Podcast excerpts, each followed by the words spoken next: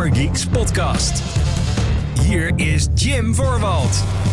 Hallo mede Gaming Geeks, wat leuk dat je luistert naar de Gaming Geeks podcast, de talkshow van GamingGeeks.nl, waarin ik en soms een andere geek je graag bijpraat over alles wat er gaande is in en rondom de gaming-industrie.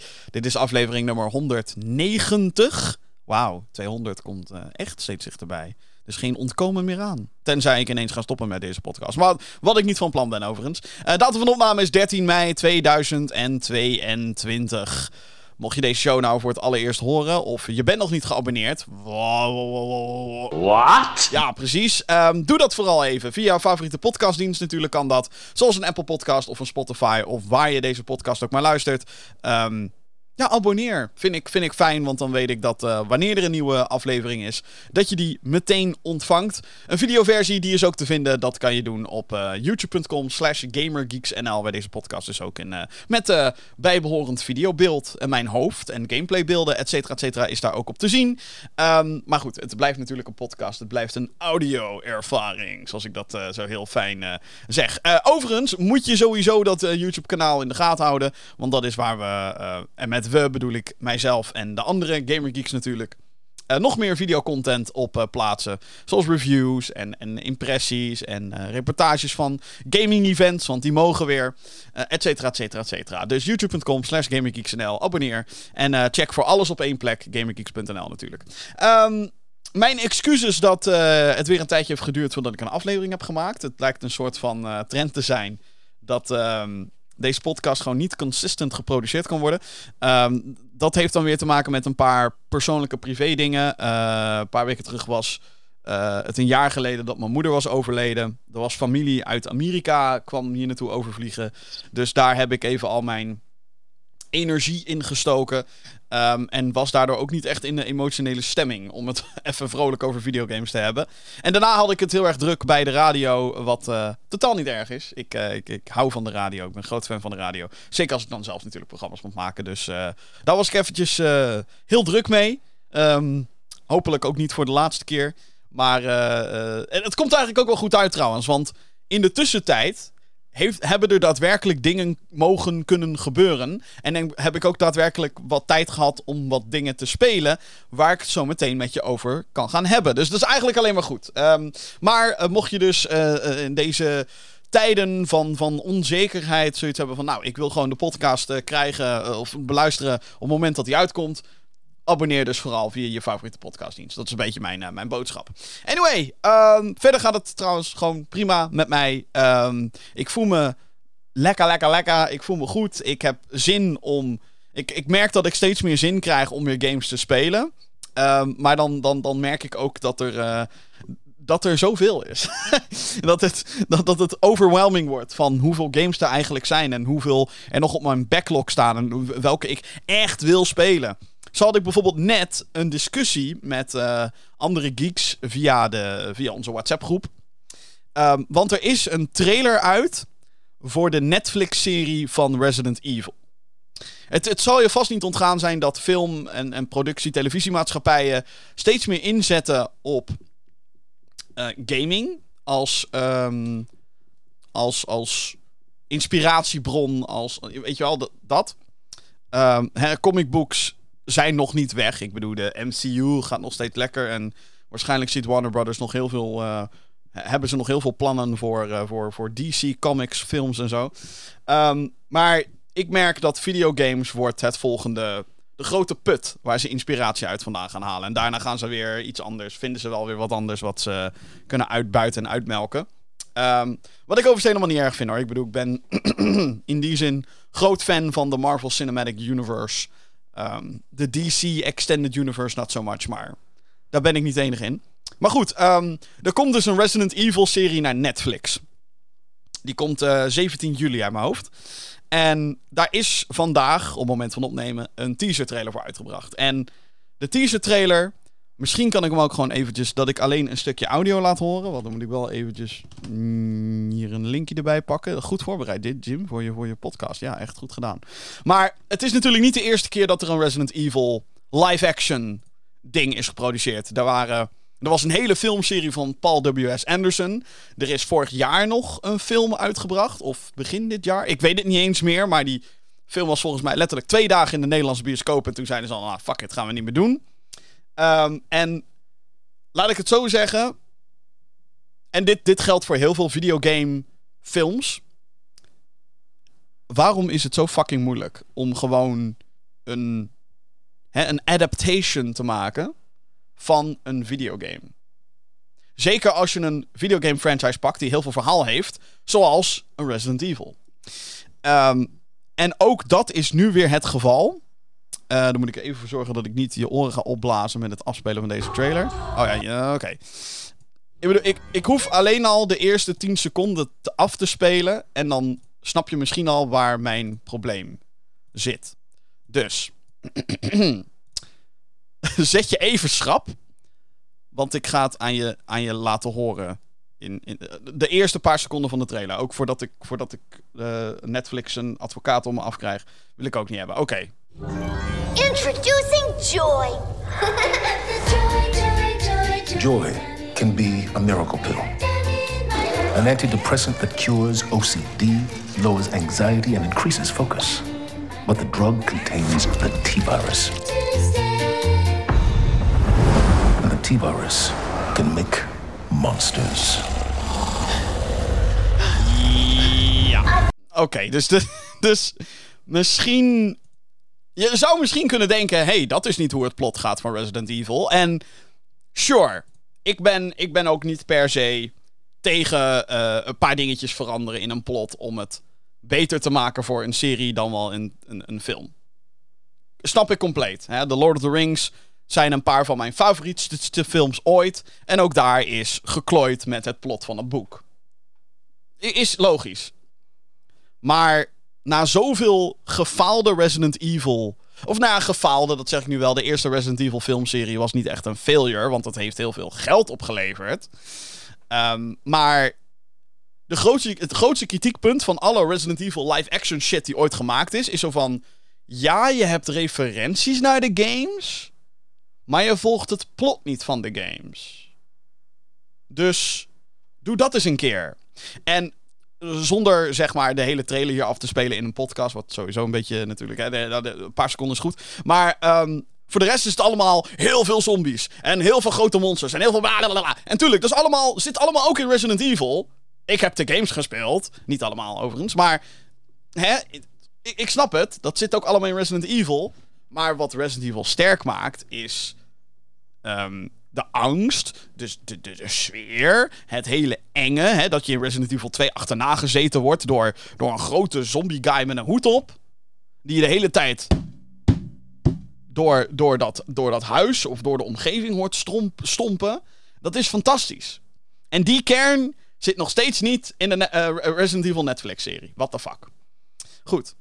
Um, ik dwaal af, merk ik. Uh, een ander dingetje waar ik het kort even over uh, met je over wil hebben... is dat er een release datum is voor de Dead Space remake. Ik heb er eigenlijk verder niet heel veel over te zeggen, want... Er is een datum. Uh, eh, 27 januari 2023. Dan komt de Dead Space remake uit. Ben ik best wel hyped voor, want ik vond Dead Space fantastisch. 1 en 2, die waren heel goed. Um, maar 3 was niet zo heel goed. Dat, is best wel een algemene, algemene opvatting erover.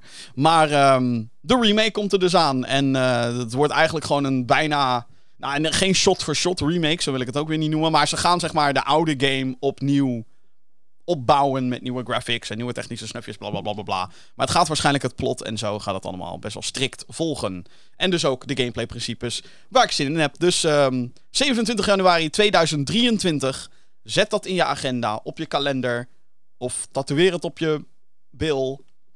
Dan kan je niet goed zien, maar hè, alsnog, het is een idee. Um, ehm, 27 januari 2023, Dead Space, de remake. Komt naar PC, PlayStation 5, Xbox Series S en X. En het is een game waar ik me heel erg op verheug. En daarmee lijken ze een beetje het nieuwe gamejaar af te willen trappen. En het is zeker ook niet de enige game die we pas gaan zien in 2023 dat gezegd te hebben, laten we maar doorgaan, want er is veel nieuws. De playlist. Oké, de playlist. Ik heb uh, natuurlijk uh, in die tijd dat ik weg ben geweest weer een aantal uh, games kunnen spelen. En um, Daar ga ik het even met je over hebben. De eerste is een Nintendo Switch game. Een Nintendo Switch game waarvan ik dacht toen die werd aangekondigd... Huh? Waarom nu vooral? Ik heb het over Nintendo Switch Sports. Dit is een game die uh, als uh, spiritueel vervolg dient uh, voor uh, Wii Sports. De launch game van de Wii, die ehm, nou echt ongekend veel succes heeft gekend, omdat de Wii zo populair was. Het was voor heel veel mensen de reden om toen de tijd een Wii te kopen.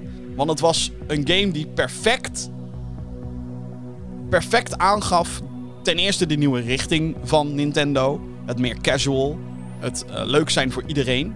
In plaats van alleen maar de gamers. En het uh, had ook te maken met dat Wii Sports de perfecte titel was om de simpele, doch effectieve motion controls van de Wii. Om dat te. Hoe noem je dat? Te demonstreren. Nu is er dus. Uh, er kwam sowieso al een vervolg op trouwens. Wii Sports Resort. Was niet zo'n groot succes, want het was geen packing game met de, met de Wii. De Wii was dat wel. Dus als je een Wii kocht, kreeg je Wii Sports. Althans, in Europa wel. En uh, volgens mij hebben ze op de Wii U ook nog wat dingen gedaan. Volgens mij is daar ook een Wii U Sports of zo. Wii Sports U, iets in die trant. Een soort HD-upgrade is daar nog voor uitgekomen. Maar nu dus weer een nieuw deel. Nintendo Switch Sports. En het, het is wederom een, een, een, een collectie aan, aan sporten die je kan spelen met motion controls als hoofdrolspeler. Uh, je hebt tennis, badminton, bowlen, voetballen, zwaardvechten en... Nu mis ik er eentje. Wat is die laatste? Even kijken. Bowlen, tennis. Moet je nagaan. Ik ben het nu alweer vergeten. Zes sporten. Zwaardvechten. Bowlen. Badminton. Tennis. Voetbal. En volleybal. Dat is hem. Volleybal. Die vergat ik even. En allemaal hebben ze dus simpele uh, controls waarbij je Joy-Cons van de Switch moet gebruiken om te kunnen spelen. De meeste kan je ook gewoon met één hand spelen, zeg maar als het ware. Eén, uh, één, één, Joy-Con. En het gaat om simpele bewegingen doen om de sporten te kunnen beoefenen. En sommige gaan dan natuurlijk wat dieper dan de ander. Uh, hè, bij tennis is het gewoon slaan, slaan, slaan. En met subtiele verschuivingen van je Joy-Con kan je wel verschillende ballen slaan. Uh, met badminton wordt dit eigenlijk echt naar next level gebracht. Uh, het zijn eigenlijk best wel gelijke sporten. Bowlen is weer zoals op de Wii. Heel erg leuk. Gewoon balletje gooien en hopen dat je een, uh, dat, dat je een strike haalt. Um, en zwaardvechten is exact wat je ervan verwacht. Het volleybal ook. Dat is echt een soort van ritme game lijkt het bijna wel. Dus als iemand paast, dan moet je goed timen wanneer jij uh, door gaat pasen of wanneer je gaat springen en, en de bal over het net ramt. En ook wanneer je dus wil blokken. En voetbal is een beetje Rocket League. Dus je hebt een gigantisch grote bal en jouw poppetjes. Dat kunnen mies zijn overigens. Maar jouw, jouw, jouw mannetjes of, of, vrouwtjes, de characters, die kunnen eh, trappen en pasen en, en een kopbal geven en dat soort dingen. Je kan elkaar niet tackelen of zo. Het is geen FIFA. Daarover later meer. Um, want het is ook geen FIFA meer. Maar spoilers. Dus het zijn allemaal simpele minigames. Al zij het dan ietsjes uitgebreider dan bijvoorbeeld een Mario Party minigame. Het gaat ietsjes dieper dan dat. En wat wel leuk is, vind ik dan, is ten eerste dat het sowieso bestaat. Want inmiddels is Wii Sports zo oud dat het nostalgisch is. Het oude Wii Tennis, het oude Wii Bowlen. Het oude Wii Golven, wat hier trouwens nog niet in zit, maar ze later gaan toevoegen. Um, het, het is bijna, zeg maar, dat je denkt... Oh ja, die goede oude tijd, toen de Wii nog een ding was. En we nog een Nintendo-console hadden zonder HD. Terwijl de rest allemaal HD was. Um, dat, dat, dat was wel... Uh, dat is wel geinig. Het, het, het werkt in die zin heel goed op je nostalgie-prikkel-dinges. Het prikkelt je nostalgie. Dat is goed. En wat ik ook leuk vind, is dat er best wel veel nadruk zit op online spelen. Dus je kan alle sporten online gewoon doen. En nou denk je misschien, ja, de, maar dan moet je dus nagaan dat als je nostalgie vooral bij Wii Sports ligt, de eerste, dat online spelen toen gewoon nog niet echt een ding was op Nintendo consoles. Pas later kwamen er um, online games naar de Wii. En om nou te zeggen dat dat een goede online ervaring was, nou nee. dus, dus nu is dat een stuk verfijnder, stuk leuker. Dat je gewoon kan zeggen, oh, ik wil even tennissen online. En bam, dat kan dan. En dan gaat die speler zoeken en dan ga je op die manier je gang gaan. Ik vind bowlen vooral heel grappig. Uh, al is bowlen wel heel erg die hard. Want ik merk gewoon dat als je in de eerste drie worpen geen strike gooit, lig je er gewoon al uit. Het is een soort van. Je begint met 16 mensen bij bowlen. En vervolgens uh, uh, gaan er acht afvallen. En daarna vallen er weer een paar af. Dan hou je er vijf over. En dan blijven er drie over. En de hoogste score daarvan die wint. Dus het zijn allemaal hele basic setups. En het is best wel goed gedaan in die zin. Het heeft wel een beetje die charme.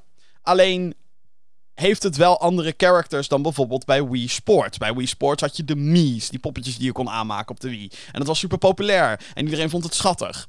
En dat is nu vervangen door een iets modernere, modernere characters. Het is allemaal een beetje geupgrade allemaal. Je kan nog steeds Mii's inzetten. Maar dat is dan wel heel erg averechts tegenover de omgevingen en natuurlijk de andere characters die rondlopen, die gebaseerd zijn op de nieuwe look in plaats van de Me-look. En ik moet eerlijk zeggen dat ik dat design. Ik ben nog niet echt verkocht aan de nieuwe characters. Het doet me een beetje denken aan de Xbox 360 avatars. Als je die nog kent. Want op een gegeven moment probeerde Microsoft en Xbox probeerde heel erg de Wii te zijn met de Kinect en nou, avatars dus, wat duidelijk een, een tegenhanger was van de Mi. Alleen dan niet echt met de charme van de Mi. De Mi's waren simpeler, maar daardoor ook effectiever. Je kon er wat meer om lachen. En ik merk dat hier ook. Het is een beetje. Ja. Mm, ik. Ik. Ik snap waarom ze het doen. Ik snap waarom. Hè, de, de, de, de, het uiterlijk van de Mi, daar, daar, dat was wel echt gewoon een beetje klaar. Maar dit gaat dan weer naar zo'n niveautje. Heel erg generic. Heel erg generic MMO. Kleurrijk character look. En ik weet niet of dat uh, per se uh, goed is. Dus dat is een beetje mijn kritiekpunt. En dus, het is een best wel geinige, het is een geinige collectie aan, aan sporten. Je kan er lekker lol mee hebben. Ik heb ook heel veel zin om dit met vrienden te gaan doen. Het grootste kritiekpunt die ik heb op Nintendo Switch Sports is waarom heeft dit zo lang geduurd? Waarom heb ik het over deze game in 2022?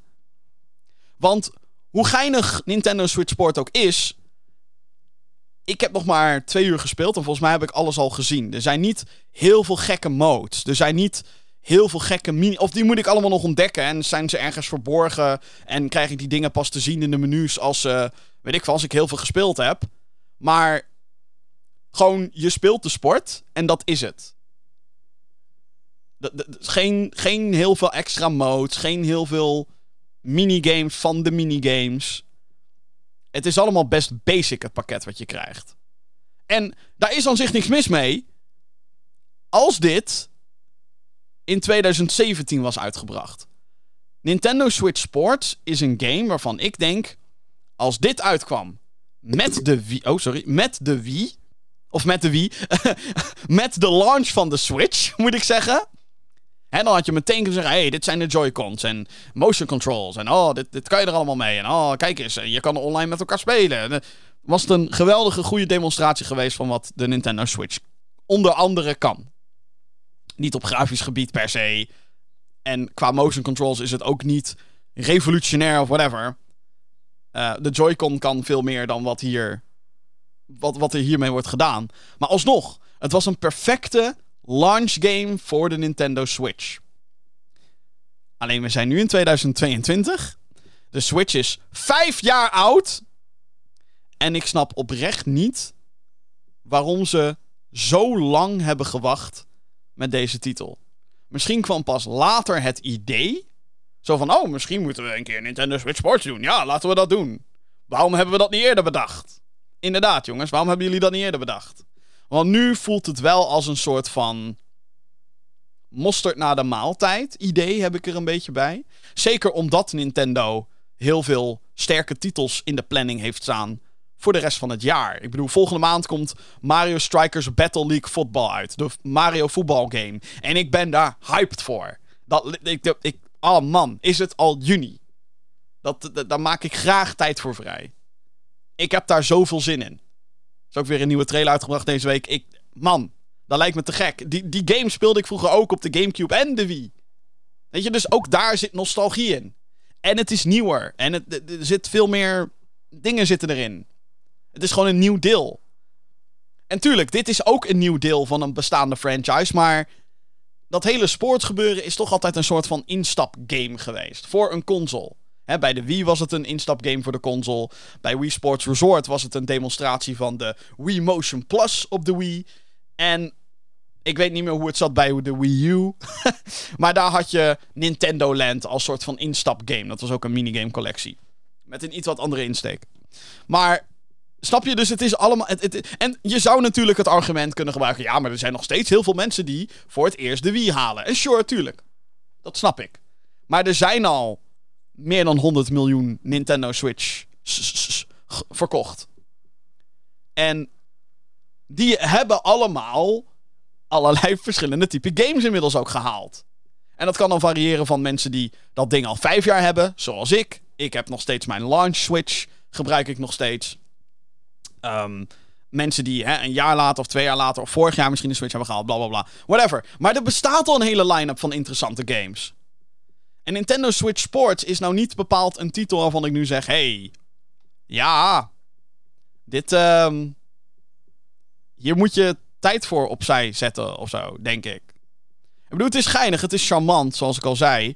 Maar ik snap de timing gewoon helemaal niet.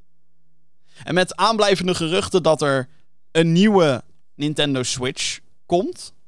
Een upgraded model, of de Switch Pro wordt die ook wel genoemd. Ik denk dat het gewoon het nieuwe, de nieuwe Nintendo wordt. Het nieuwe Nintendo console, handheld hybride. Ik denk wel dat ze het idee van de Switch gewoon meenemen naar hun volgende generatie. Um, een Super Switch of zo, of de Nintendo Switch 64, of hoe ze dat ding, de Switch U, hoe ze hem dan ook willen noemen, dat maakt niet uit.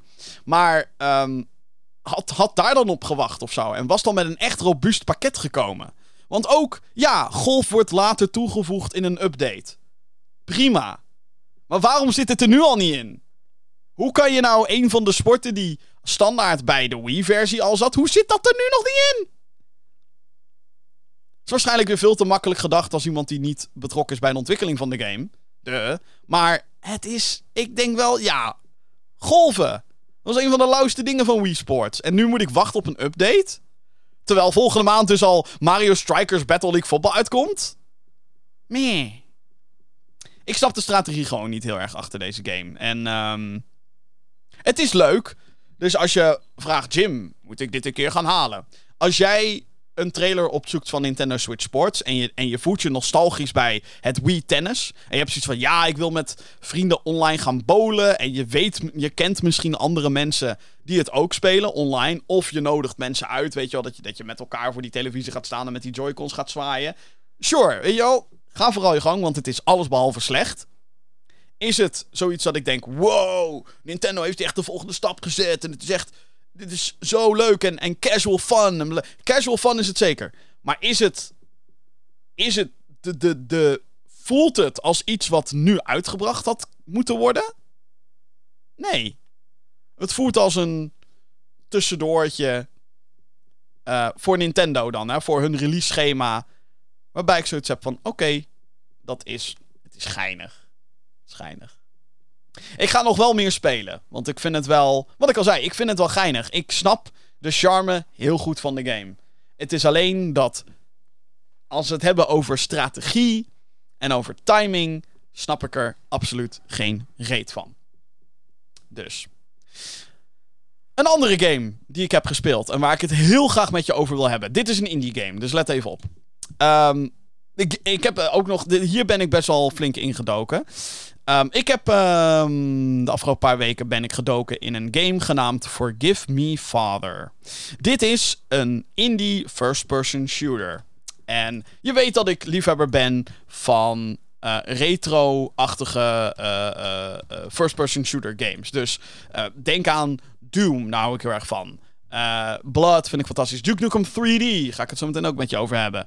Quake, zeg maar de 90s en shooters is een combinatie Ik hou ervan. En de laatste paar jaar zijn er, weet ik hoeveel developers geweest die een beetje die feel weer proberen terug te eh, krijgen. En uh, met, moderne tintjes her en der natuurlijk, zodat het lekker speelbaar is en moderne controls en et cetera, et cetera. Um, en, en daar zijn parels uitgekomen. Echt, Dusk is fantastisch. D-U-S-K. Zoek maar op, het is geweldig. A Medieval vind ik fantastisch. Ion Fury is geweldig. En er komen heel veel van deze zogeheten boomer shooters gaan er nog uitkomen. Er zijn er heel veel op dit moment ook nog in early access. Maar Forgive Me Father is nu dus in zijn volledige vorm verkrijgbaar op Steam. En Forgive Me Father is een, een, een game die. In eerste instantie denk je, oh, dit is een soort van Wolfenstein 3D-achtige game. Maar naarmate je verder speelt, worden de uh, omgevingen worden opener. Er komen uh, steeds meer verschillende type vijanden bij. En het, uh, het is een hele interessante game. Het is een game die. Het is een first-person shooter. Je speelt als een journalist of een priester. waarvan zijn of haar neefje is gekidnapt. En je gaat naar een mysterieuze stad om te, uit te vogelen wat er nou aan de hand is. En op het moment dat je daar komt, kom je zombies tegen. En mensen die op jou knallen. En, en er niet helemaal gezond uitzien. En gekke monsters komen op je af. Knallen, knallen, knallen. Het is het meest simpele verhaal wat je maar wil hebben. Um, maar wat meteen opvalt, is de stijl van de game. En het is lastig te omschrijven in een podcast, maar ik ga toch een poging doen.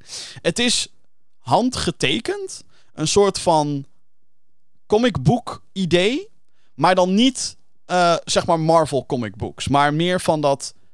Ah, nu moet ik eigenlijk een voorbeeld hebben. Maar meer van dat. Um, hmm. Hmm. Wat voor type comic books? Nou, meer van die volwassen georiënteerde comic books die er zijn geweest. 13 zou een voorbeeld zijn. Het is meer die stilo. Dus het is wel comicboekachtig, getekende stijl, maar niet de kleurrijke, jee, superhelden manier. Wat, wat, wat grauwer, wat, wat uh, meer um, rougher. En het is een stijl die ontzettend goed werkt. En dat betekent niet dat de game geen kleur heeft. De game heeft genoeg kleuren. Maar het heeft een aparte, toffe look. Die heel erg aanspreekt. Uh, die heel erg opvalt. Van, oh wauw, dit is, dit is even eventjes wat anders. En het is ook eerst even wennen, want je denkt van, hè, wordt dit dan zo'n claustrofobische game? Nou, nee, niet dus. Want op den duur uh, komen er best wel grote omgevingen en, en, en, en gekke dingen gebeuren er allemaal. Um, en het is in die zin een best wel standaard first-person shooter. Dus je krijgt allemaal wapens. En je, je begint met een mes. Dan krijg je een pistool. En daarna krijg je een shotgun. En daarna krijg je een, een, een Tommy gun. En daarna krijg je een ding wat lijkt op een rocket launcher. En daarna krijg je een harpoon gun. Die, uh, die, die eigenlijk dient als een soort van... Schiet heel langzaam, maar is wel heel sterk-achtig geweer. En uh, nou ja, et cetera, et cetera. Dus dat, dat is allemaal tof. En de levels worden steeds gecompliceerder. De vijanden steeds moeilijker. De pick-ups steeds uh, minder. Dus je moet heel erg goed opletten op je health en je armor. En allemaal van dat soort standaard systemen zitten erin. Um, wat er ook in zit, is een RPG-systeem.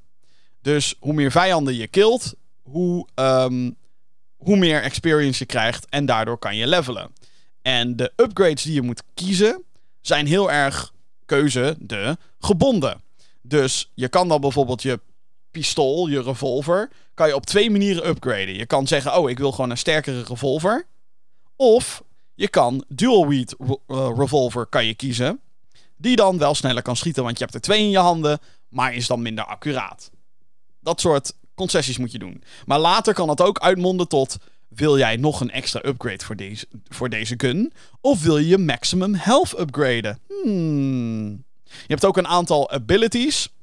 Uh, je hebt twee characters om uit te kiezen. En uh, één character heeft bijvoorbeeld een, uh, nou, een, een, ability dat je een paar seconden lang een zwaard in je handen krijgt. En dat je daar dan lekker mee los kan hakken. Je hebt een fotocamera die vijanden stunt met de flits, wat ik een grappig ding vind. En je kan ook sigaretten roken, zodat de wereld om je heen even wat langzamer gaat. Het zijn dat soort. Uh, dat, weet je, dit is wat ik bedoel met retro geïnspireerde first-person shooters. Dus ja, het, het probeert heel erg de feeling en de gameplay van. De, shooters van weleer probeert het uh, over te pakken. Met, nou ja, met, gewoon het design en de wapens en de, die niet gereload hoeven te worden in deze game ook bijvoorbeeld. Reload mechanics zit er niet in. Ehm, en armor en, en geen regenerating health of dat soort, uh, dat soort zoiets zit er allemaal niet in. Maar met een paar moderne touches zoals uh, abilities en een RPG-systeem en dat soort dingen. Dus het is best wel tof. Het is best wel leuk. Uh, er, zitten, zitten een paar momenten zaten er al in de game dat ik dacht... Oeh, nu wordt het wel echt eventjes heel lastig. En dan niet op de fijne manier. Dat je gewoon zit te spelen met... Ja, maar nu ga ik me gewoon ergeren aan, aan die pokkenvijanden die heel snel heen en weer bewegen. Heel snel, dan heb je weinig kogels voor je machine gun. En, heel ze, en dan denk je, oh, krijg ik nu wat ammo? Nee hoor, nog vijf van die vijanden. Toegegeven, ik speel de game op hard. Dus ik denk dat ik het mezelf. Ik heb het een beetje over mezelf afgeroepen. dat, het een, uh, dat het soms een frustrerende boel kan zijn. Maar ik had zoiets van: als ik dan zo'n retro game ga spelen. Op medium? Nee, ik weet het niet. Hangt natuurlijk ook af van welk spel en hoeveel je ervaring erin hebt. Het is, het is niet zo dat ik alle retro geïnspireerde first-person shooters standaard op hard speel. Maar bij deze werkt dat wel. Goed. Um, Forgive Me Father, als je fan bent van de titels die ik al genoemd had. Uh, Doom, Blood, uh, Dusk, uh, Medieval. Dat soort dingen. zou ik zeker eventjes een kijkje nemen naar de Steam-pagina van Forgive Me Father. En ik ben bijna bij het einde van de game, dus een volledige review ga ik zeker nog maken. Met meer impressies natuurlijk en een uiteindelijke conclusie van de game. Maar, wat ik al zei, ben je een beetje fan van het genre, dan is dit nu al de moeite waard. Het is trouwens ook een lange game. Um, volgens mij kost iets van like 15 euro op Steam. En ik ben er nu al 8 uur mee bezig. Tuurlijk, nogmaals, hij staat op hard. Dus ben zeker een paar keer heb ik door, meer, door delen van levels meerdere keren ben ik er doorheen moeten gaan. Uh, door doodgaan en falen. Maar um, heel leuk. Te gek. Dus go check that shit out. Forgive me, father. vergeef mijn vader. Oh, en helemaal. Nou ja, hoe kan ik dat nou niet noemen? Wat, zeg maar heel tof is, is dat de game heel veel inspiratie haalt uit Lovecraft. Dus qua design en qua sfeer. En vooral de monsters. En op den duur worden je wapens ook overgenomen door bewegende tentakels en dat soort dingen. is heel tof. Oké, okay. Forgive Me Father op Steam. Ga dat dus checken. Zometeen in de Gamer Geeks podcast. Ja, we gaan het over het nieuws hebben van de afgelopen week. Want er is ons, of ja, afgelopen weken moet ik zeggen. Want er is ontzettend veel gebeurd. Ubisoft die zit verder in de problemen, zo lijkt het. De showcases komen er weer aan. Want het wordt weer een drukke zomer. Reken daar maar op. En Xbox heeft twee grote titels uitgesteld. Oei, oei, oei, oei, oei, oei, oei, oei, Nieuws. Maar ik begin bij ander groot nieuws van de afgelopen paar weken. Er is een grote overname geweest in de gaming business weer. Embracer Group heeft een overeenstemming gesloten met de Japanse uitgever Square Enix, de Europese gigant. Of, eh, Embracer Group dus. Die ehm, neemt drie studio's over van Square.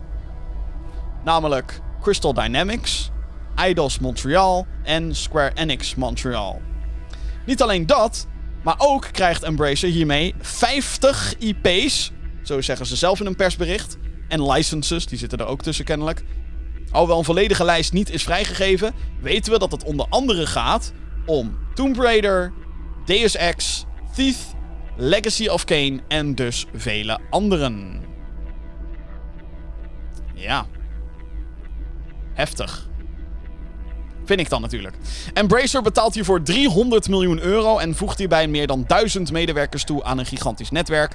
Embracer is namelijk het moederbedrijf van onder andere Deep Silver, Saber Interactive, THQ Nordic en Gearbox. Square Enix benadrukt in hun persbericht dat ze nog steeds een westerse tak hebben met franchises zoals Life is Strange, Just Cause en Outriders. Het komt niet geheel als verrassing dat Square van de zojuist benoemde studio's afwilt. Zo heeft het laatste project van Crystal Dynamics, Marvel's Avengers, voor flinke verliezen gezorgd. Guardians of the Galaxy van Eidos Montreal was ook niet winstgevend, ondanks lovende kritieken. Het geld willen ze graag investeren in blockchain-technologie, AI en de cloud. Waar Square Enix Montreal en Eidos Montreal mee bezig zijn, is niet bekend. Crystal Dynamics heeft bevestigd door te gaan met het ondersteunen van collega-studio The Initiative om de Perfect Dark reboot af te maken voor Xbox. En ook zijn ze bezig met een nieuwe Tomb Raider game die gaat draaien op Unreal Engine 5. Oké, dus resume even in één zin. Tomb Raider Deus Ex, Thief en een boel andere franchises. En de studio's die daarmee betrokken zijn, gaan weg van de Japanse uitgever Square Enix en gaan dus naar de Embracer Group. Dit is heel erg interessant op uh, meerdere vlakken. Allereerst is er gewoon een deel van wat er nu met die studio's en natuurlijk met die franchises gaat gebeuren. Ik ben zelf niet heel erg bekend met de Legacy of Kane franchise. Ik weet wel dat er heel veel fans van zijn online die niets liever willen dan dat het terugkomt. En dat Square Enix dat jarenlang gewoon maar heeft laten liggen. Dat je denkt: wat? Waarom doe je dat? En dat geldt ongetwijfeld voor heel veel andere IP's die Embracer nu ineens heeft. Dus ik zou zeggen, zeker omdat ik bijvoorbeeld niet heel erg bekend ben, Embracer, begin meteen aan remasters. Hoppakee, gaan. Legacy of Kane, Soul Reaver op de PlayStation, dat is iets wat ik wel ken, dat character en zo. Remasteren, nu, per direct. Breng het op moderne platforms uit. Speelbaar, op PC, bam bam bam bam bam bam. Hoppakee. Geen gezeik meer. Of sluit een deal met PlayStation en Xbox dat die shit naar Game Pass en PlayStation Plus, Premium, whatever komt. Fuck it, remaster de boel maar. I don't care. Let's go. Hup, gaan. Tomb Raider, daar wordt al iets nieuws van gemaakt, dat weten we. Uh, Deus Ex heeft nu ook, en Thief, hebben nu ook kans om terug te komen. Deus Ex was met name onder de PC community echt een, een hit. Een, een science fiction game waarbij je uh, uh, echt gewoon zelf kon bepalen hoe je situaties aanpakte. Groot, groot, grote fanbase zit er ook achter. Ben ik ook niet heel bekend mee, in alle eerlijkheid. Thief Edom is een soort, dat is een, een stealth game. Een stealth game die super populair was in de 90s dus wederom. Bij een select groepje hardcore mensen. En in 2000, wanneer was dit? Een tijdje geleden al. Kwam Square met een reboot. Dat was, mm, was niet, was kennelijk niet goed. Van wat ik heb gehoord. Heb ik ook niet gespeeld. Maar je, ziet gewoon al helemaal aan de marketing van die game, wist ik toen al. En, en de manier hoe het, hoe het werd aangepakt. Dat je zoiets had van, ja, dit is zeg maar het type reboot. Het wordt hem niet echt. En dat, het werd hem ook niet. Het werd hem ook niet. Was echt zo'n zesjes game, was het. Um, dus wat dat betreft is er heel veel hoop. Want hey, als één partij shit continu laat liggen en al die rechten gaan naar een andere partij, ja, dan is daar misschien weer hoop voor. Weet je, dat, dat, dat, dat, dat brengt wat positieve geluiden met zich mee. Dus dat is heel erg nice. We weten, nogmaals, we weten al dat er een nieuwe Tomb Raider in ontwikkeling is. En wat Idols Montreal ook gaat doen, ze hebben allerlei gigantisch grote kwaliteit. Het zijn goede studio's. Square Enix Montreal overigens gaat waarschijnlijk van naam veranderen, want ze zijn niet meer van Square Enix. Maar die zijn um, bekend van de Lara Croft en Hitman Go mobile games. Die, ook niet gespeeld wederom.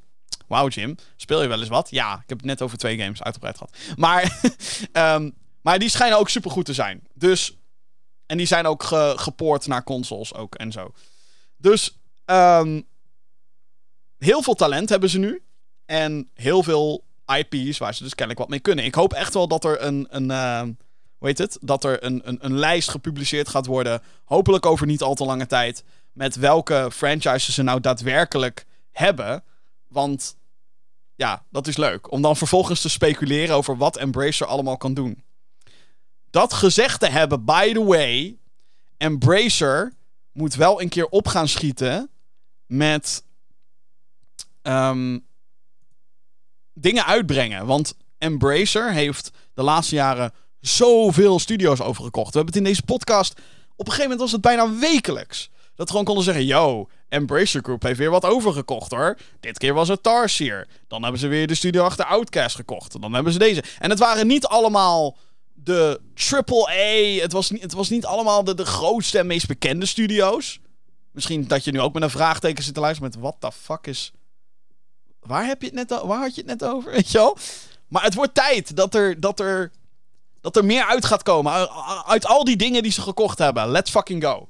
Op 12 augustus is er al een THQ Nordic Showcase. Dat is een onderdeel van Embracer Group. Dus daar gaan we hopelijk wat dingen te zien krijgen. We weten dat ze al een tijdje bezig zijn aan een nieuwe Timesplitters game. Ik wil een remaster van Timesplitters 1 tot en met 3. Let's go. Embracer, Koch Media, Deep Silver, wie even de fuck dat dan ook heeft. In ieder geval ergens in die hoek. Let's go. Gewoon. Ehm, het wordt tijd dat we wat dingen gaan zien. En ik denk dat dit voor Embracer een hele belangrijke stap is. Want ze hadden Gearbox hebben ze ook al. En Gearbox kan je ook wel AAA noemen. Eh, nou is Tiny Tina's Wonderlands, die ook door Gearbox gemaakt is. is een recente game. Die ehm, wordt gepubliceerd nog steeds door 2K. Dus dat is niet echt per se een Embracer Group ding. Maar alsnog, ze hebben Gearbox. En daar kan dus heel veel uitkomen. Ehm, Gearbox die overigens ook onlangs een nieuwe Tales of the Borderlands game heeft aangekondigd. Die ze dan niet zelf gaan maken. Of wel zelf gaan maken. En dus niet door Telltale wordt gemaakt. Whatever. Een zijfaaltje. Anyway. eh, dus dit gaat heel interessant worden, denk ik. Qua wat er met die franchises gaat gebeuren. En of we dus nieuw leven krijgen in, in, in allerlei IP's. Waar we al een tijd niks meer van gehoord hebben. En sommigen zullen daar ongetwijfeld eh, succesvoller in zijn dan anderen. De tijd zal het leren, maar ik hoop echt dat Embracer hem gaat op die shit. Als jullie het geld hebben om al deze dingen over te kopen, dan is dat. Ik bedoel, dan moet je toch ook gewoon geld hebben om dingen te ontwikkelen en gewoon te gaan.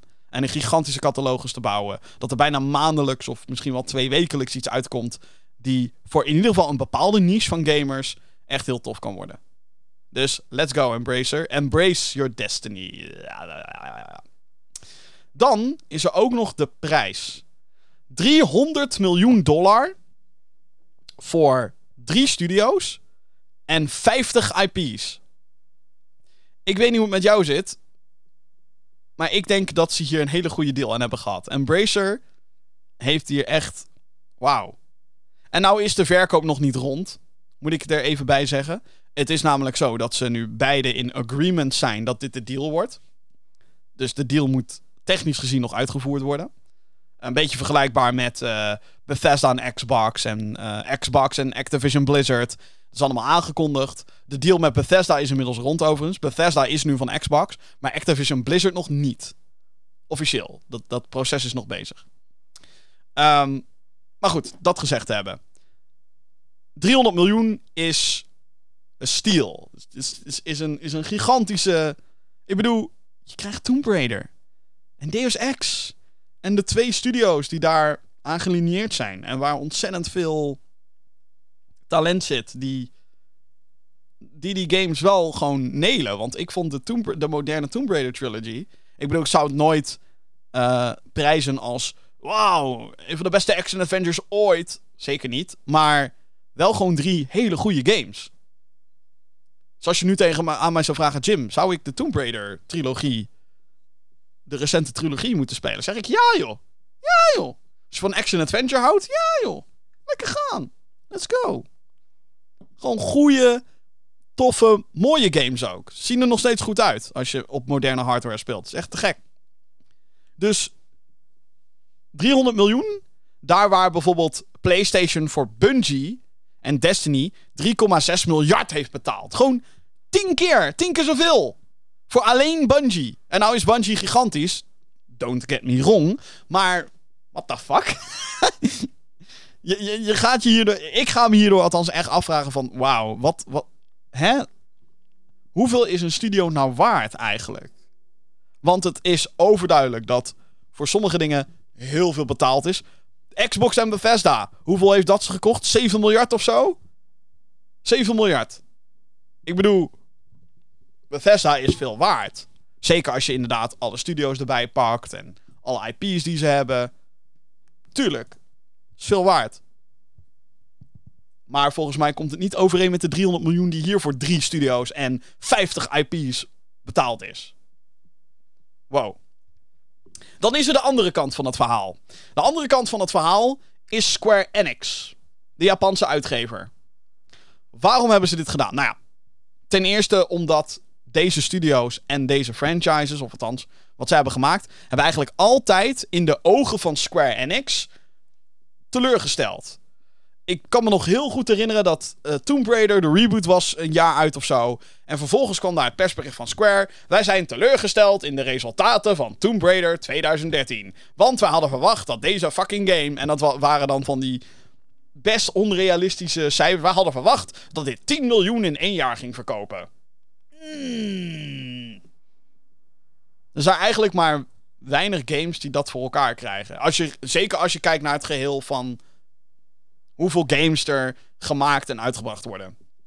Heel weinig games die dat gaan halen. En volgens mij had Tomb Raider 2013 toen iets van 4 miljoen of zo behaald. Ik, ik, weet het niet uit mijn hoofd. Ik, I'm pulling numbers out of my ass at this point. Maar um, het was in ieder geval nog steeds een heel indrukwekkend aantal. Maar Square Enix had like het driedubbele verwacht. En daarom was het een teleurstelling. En dat gold eigenlijk voor zowel Tomb Raider 2013, als Rise of the Tomb Raider, als Shadow of the Tomb Raider. En dat gold ook voor Deus Ex uh, Human Revolution en Deus Ex Mankind Divided. En natuurlijk ook voor Thief, die, die mislukte reboot. Allemaal teleurgesteld. Allemaal teleurstellende resultaten. En de grote klap was natuurlijk Marvel's Avengers, waar tering veel geld in is gestoken, maar waarbij heel overduidelijk was dat heel veel gamers naar die game keken en dachten... Nah, bruh. Kleine playerbase. Uh, niet heel veel winst uit microtransactions waar de game fucking vol mee zat. De game moest natuurlijk doorontwikkeld worden, want het was een live service. Ik denk overigens dat het nu al klaar is met Marvel's Avengers. Ik denk dat we daar nu wel van uit kunnen gaan. Daar wordt geen geld meer in gepompt en terecht. Kleine player. Gewoon, het was het niet. En, en waarschijnlijk heeft Square, en weet je terecht, Square heeft waarschijnlijk gedacht: yo, wij hebben de Avengers IP. Marvel's Avengers. dat, dat, dat geld, we, we, weten niet eens meer waar we laten moeten straks. Maar dat het tegendeel kwam uit. Marvel's Avengers heeft Square 200 miljoen gekost. Gekost. Outriders heeft ook geen winst gemaakt. Ik, ik, weet niet hoe goed Life is Strange het heeft gedaan, maar ook dat doet het niet goed. Nou zijn die dingen nog niet afverkocht. dat willen ze duidelijk nog behouden. Waarom ze Outriders trouwens willen behouden als IP, ik weet het niet, maar whatever. Nou is dat niet gemaakt door een van de studio's die verkocht is. Uh, er komt trouwens ook een expansion van uit van Outriders volgende maand. Heel benieuwd wat dat met de game gaat doen. Of mensen teruggaan naar Outriders. Ik weet het niet. Maar bijna al hun westerse dingen, hun westerse projecten, vallen financieel gezien tegen. Met name financieel gezien. Ik heb het niks nu niet over de, de, de, de, de, de ontvangst van de gamers. Kijk, Marvel's Avengers was shit.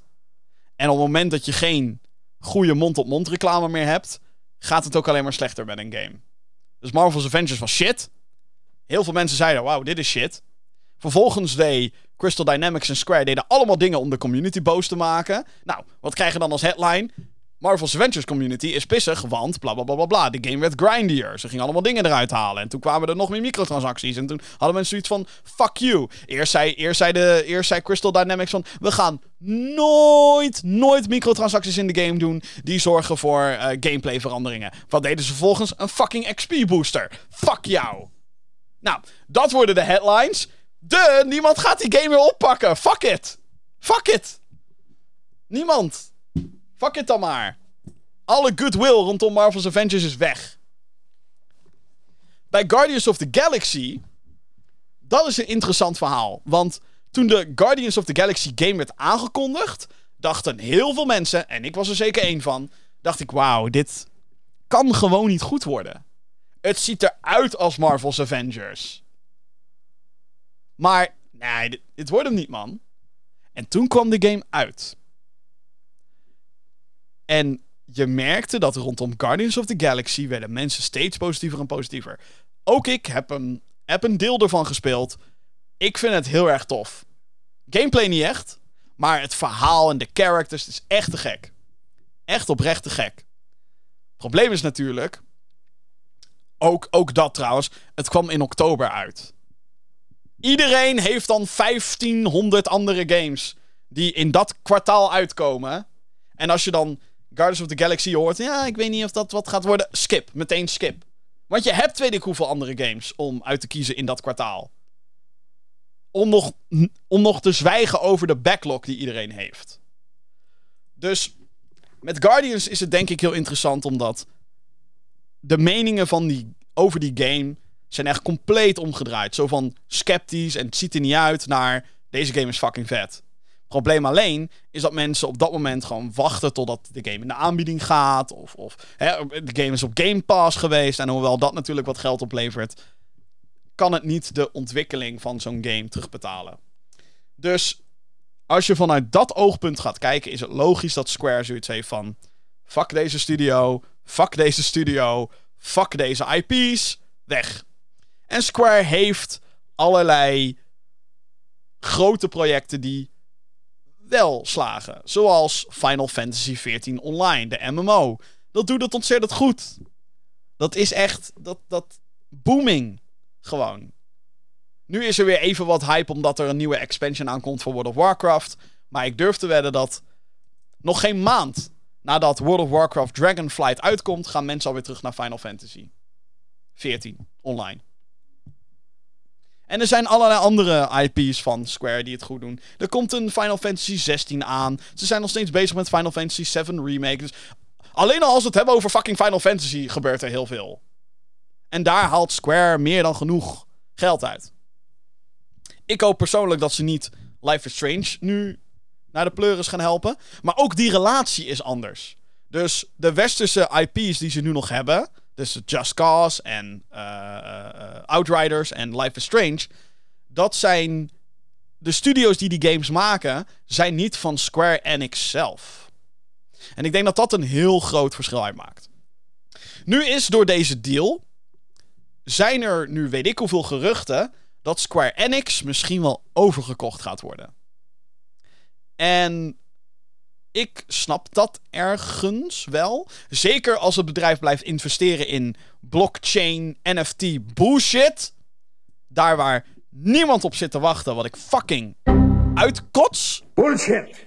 Fuck NFT's. Ehm, de populariteit van NFT's gaat trouwens keihard naar beneden. Ik, duimpjes omhoog, ik ben blij. Maar het gerucht gaat nu dus van: oh shit, het gaat slecht met Square. Ze verkopen nu al een paar studio's. Ze, ze zijn voor het oprapen. Gaat dat gebeuren? Ik denk nog niet. Het is even afwachten wat er de aankomende paar jaar gaat gebeuren. Want Final Fantasy 7 Remake bijvoorbeeld, groot succes. Final Fantasy 16 moeten we natuurlijk allemaal nog maar afwachten. Er komt een nieuwe Kingdom Hearts, Kingdom Hearts 4. Lange ontwikkelprocessen. Wat denk ik heel interessant is, is dat Square best wel veel deeltjes heeft met PlayStation. Er zijn natuurlijk ook een aantal games die ze bijvoorbeeld alleen op Switch uitbrengen. En dan later misschien naar PC of zo. Zoals uh, Octo, uh, Octopath Traveler. Die kwam later naar PC en Xbox, geloof ik. Niet naar PlayStation, opvallend genoeg. Uh, Triangle Strategy is nu een Switch exclusive. Die heel goed gaat. Althans, als ik de reacties zo online zie. Ik heb geen verkoopcijfers daarvan gezien. Maar schijnt heel goed te gaan. Um, maar dingen zoals Final Fantasy 7 Remake en Final Fantasy 16 komen alleen naar PlayStation en PC. Dus ze hebben al een relatie met PlayStation. Een hele goede, diepe relatie. Ook exclusieve shit voor Marvel's Avengers. Spider-Man alleen op PlayStation. Wat een kut deal was, bullshit. Maar ze hebben een deal. Square en PlayStation gaan heel lekker samen. En dan heb je natuurlijk ook nog het feit dat Square Enix Japans is. En dat Sony PlayStation Japans is. Dus ook daar zit wel een beetje een, een soort van logische relatie. Dus als op den duur inderdaad, als het niet per se veel beter gaat met Square. En ze blijven nog meer geld pompen in NFT en blockchain en AI en cloud bullshit. Waar verder niks, niks uitkomt. Als ze op die weg blijven gaan, dan zie ik het wel gebeuren dat PlayStation op den duur gewoon bij ze aanklopt en zegt: Konnichiwa. Hier is een vrachtwagen met geld. Kom maar bij PlayStation. En als dat gebeurt, is dat fucking huge. Wat er nu gebeurt is ook al groot. Maar Square naar PlayStation volledig. Final Fantasy echt gewoon volledig 100% naar PlayStation. Dat is huge. En of dat dus gaat gebeuren. Hmm, ik ben een beetje sceptisch wat dat betreft. Ik denk ook dat het gevaarlijk is dat als er iets gebeurt omtrent een studio of één project faalt of zo, dan is nu. En, en ik snap het hoor, want dat is wat die bedrijven voor elkaar hebben gekregen. Maar dan springt iedereen nu op geruchten van door wie gaan ze overgekocht worden. Oh hey, deze studio heeft, is niet van Xbox of PlayStation. Door wie gaan ze overgekocht worden? En we moeten denk ik oppassen dat dat continu gebeurt. Ik denk dat het fijn is dat we ook uitgevers hebben die niet van PlayStation of van Xbox zijn. Of van Nintendo. Nou is Nintendo niet echt van dat soort grote aankopen doen.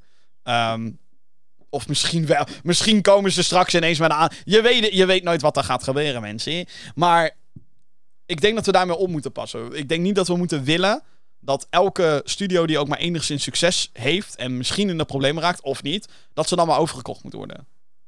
Voor sommige partijen kan het super spannend zijn en super leuk en super tof. Voor de fans van de desbetreffende console is het tof. Hè, voor PlayStation fans is het tof dat ze een aantal studios hebben overgenomen. En sommige van die acquisities zijn ook logisch. Begrijp me niet verkeerd. Maar we moeten niet alles maar overgekocht zien willen worden. Dinges, dat. Volgende nieuwtje, hè? Ja, daar ging ik even lang over, uh, over door. En over lang doen over iets gesproken. Waar is mijn lachband? Oh jee. Ja, dank u. Um, daarover gesproken dus. Um, groot nieuws over Bethesda. Uitgever Bethesda, die vorig jaar werd overgenomen door Xbox, heeft deze week aangekondigd dat zowel Starfield als Redfall dit jaar niet meer gaan halen. Een specifieke reden voor de vertraging is niet gegeven, behalve dat de teams de meest ambitieuze en beste versies van de games willen afleveren. Starfield is een open-world RPG in de maak bij Bethesda Softworks, de studio met Todd Howard aan het roer. De partij kan je de beste kennen van The Elder Scrolls en Fallout franchises. Starfield werd aangekondigd tijdens E3 2018, vlak na de gameplay-onthulling van Fallout 76, en werd in diezelfde presentatie opgevolgd door de onthulling van The Elder Scrolls 6. Veel meer is er niet bekend over de game, behalve dat het in de ruimte en op verschillende planeten afspeelt, en dat de game gepland stond voor 11 november 2022, wat dus niet meer doorgaat. Redfall is een co-op shooter die, die, in ontwikkeling is bij Arkane Studios. De ontwikkelgroep heeft onder andere Dishonored, Prey 2017 en Deathloop op zijn naam staan. Specifiek gezien is het team in Austin bezig aan Redfall. Vorig jaar werd de game onthuld tijdens de Xbox E3-presentatie. In een CG-trailer werd duidelijk dat je in een team van verschillende personages speelt. met behulp van verschillende vaardigheden. Het uh, moeten opnemen tegen vampieren. Het was van origine de bedoeling dat Redfall deze zomer zou verschijnen, maar ook dat gaat dus niet door. Beide titels zijn nu uitgesteld naar de eerste helft van 2023. Meer info en gameplaybeelden worden binnenkort verwacht. Daarover zometeen meer. Dus, Redfall en Starfield komen niet meer dit jaar uit. En een uitstel is zeker in een post-pandemie wereld logisch. We hebben al weet ik hoeveel uitstellingen gehad. Maar het is wel opvallend, vind ik. Ik dacht dat we er inmiddels. Alhoewel. Ik denk dat we nog veel meer projecten gaan krijgen die toch nog uitgesteld worden. Toch nog wel. Als we in juni geen release datum krijgen voor grote games die um, gepland staan voor 2022, Ga er dan maar gewoon vanuit dat ze niet meer uit gaan komen in 2022. Ik weet dat er nog, weet ik hoe vaak geroepen is dat Hogwarts Legacy dit jaar nog uit gaat komen. Kom eens een keer met een fucking datum. Wat natuurlijk verrassend is, is dat Starfield al wel een datum had. 22 november. Uh, Redfall had nog geen specifieke datum. Um, maar ja, dat, dat hele Starfield gebeuren. Oké, dit is heftig, omdat Xbox waarschijnlijk nu geen. Althans, ze raken twee van hun belangrijkste games kwijt voor dit jaar. Tuurlijk, 2023 wordt nu een killerjaar voor Xbox waarschijnlijk, maar hoe lang kan je een dienst en een console hebben zonder heavy hitters? En het is niet alsof Xbox de eerste helft van 2022 grote games exclusief heeft gehad. Tijdelijk of niet. Ik bedoel, wat is er uitgekomen het afgelopen half jaar waarvan je zegt: hé, hey, dat was echt een Xbox-game? Er, is heel veel, er, is heel, er zijn heel veel toffe dingen uitgekomen, maar niet specifiek voor Xbox. Er zijn heel veel toffe dingen uitgekomen op Game Pass, sure. Maar niet dat je zegt: Xbox exclusive. Dat je zegt, daar koop ik een Xbox specifiek voor. En Redfall, kijk, Redfall in, in veel mindere mate dan Starfield. Ehm, ook omdat we natuurlijk van, Redfall, co-op shooter en eh, vrolijke characters en eh, kleurrijk en oké tegen vampieren, I guess, oké. Maar Starfield is van Bethesda. En tuurlijk, de reputatie van Bethesda is nogal geschaad door Fallout 70 shit. Maar het blijft Bethesda. Het Bethesda. Niet uitgeven Bethesda, maar de main studio. En die komen dan met iets nieuws. Ik denk dat dat het ook vooral is. Het zijn twee nieuwe franchises. Het zijn twee nieuwe IP's. Die, ehm, die hier hun debuut moeten maken. En dat is ook spannend. Xbox heeft nieuwe IP's nodig. Met grote big budget ambities. We kennen allemaal inmiddels Forza. We kennen allemaal inmiddels Gears. En alhoewel ik nog steeds hyped zou zijn als er een nieuwe Gears bijvoorbeeld komt. Er zijn ook geruchten voor een Gears of War collectie. Met 1, 2, 3, 4, 5 vraagteken. Misschien alleen 1, 2, 3. Dat de trilogy remastered wordt of zo. Geen idee. De Marcus Phoenix collection misschien wel. Judgment erbij zou ik wel tof vinden als dat ook zou gebeuren. Maar whatever. Uh, ik ga nu weer heel erg afwijken. Maar hè, wat voor grote exclusives vanuit de Xbox IP's en de Xbox Studios zijn er nu uitgekomen voor de Series X? Forza Horizon 5. Hit. Lekker. Goed bezig. En Halo Infinite. Halo Infinite stelt teleur. Gewoon stelt teleur. Je kan zeggen, hé, maar veel mensen spelen het. Tuurlijk, maar de playerbase neemt af. De live service content is gewoon niet op het niveau wat mensen hadden gewild. Het aantal modi. Gewoon, er zijn heel veel elementen aan Halo. De, de, co-op. Er zit geen fucking campaign co-op in. Een half jaar na release nog steeds niet. Terwijl ze dat al lang en breed beloofd hadden. Wordt continu uitgesteld. De game struggelt. En dat ze nu voor dit jaar. Misschien komen ze in juni bij de Xbox-presentatie met alsnog een gamer. Misschien komen ze wel ineens. En lijkt me sterk, maar hey, een mens kan dromen. Misschien dat ze toch zeggen: Hey guys, dit is Fable. Hier is gameplay van Fable. Eind 2022, bam bam bam. Dan komt het wel weer goed.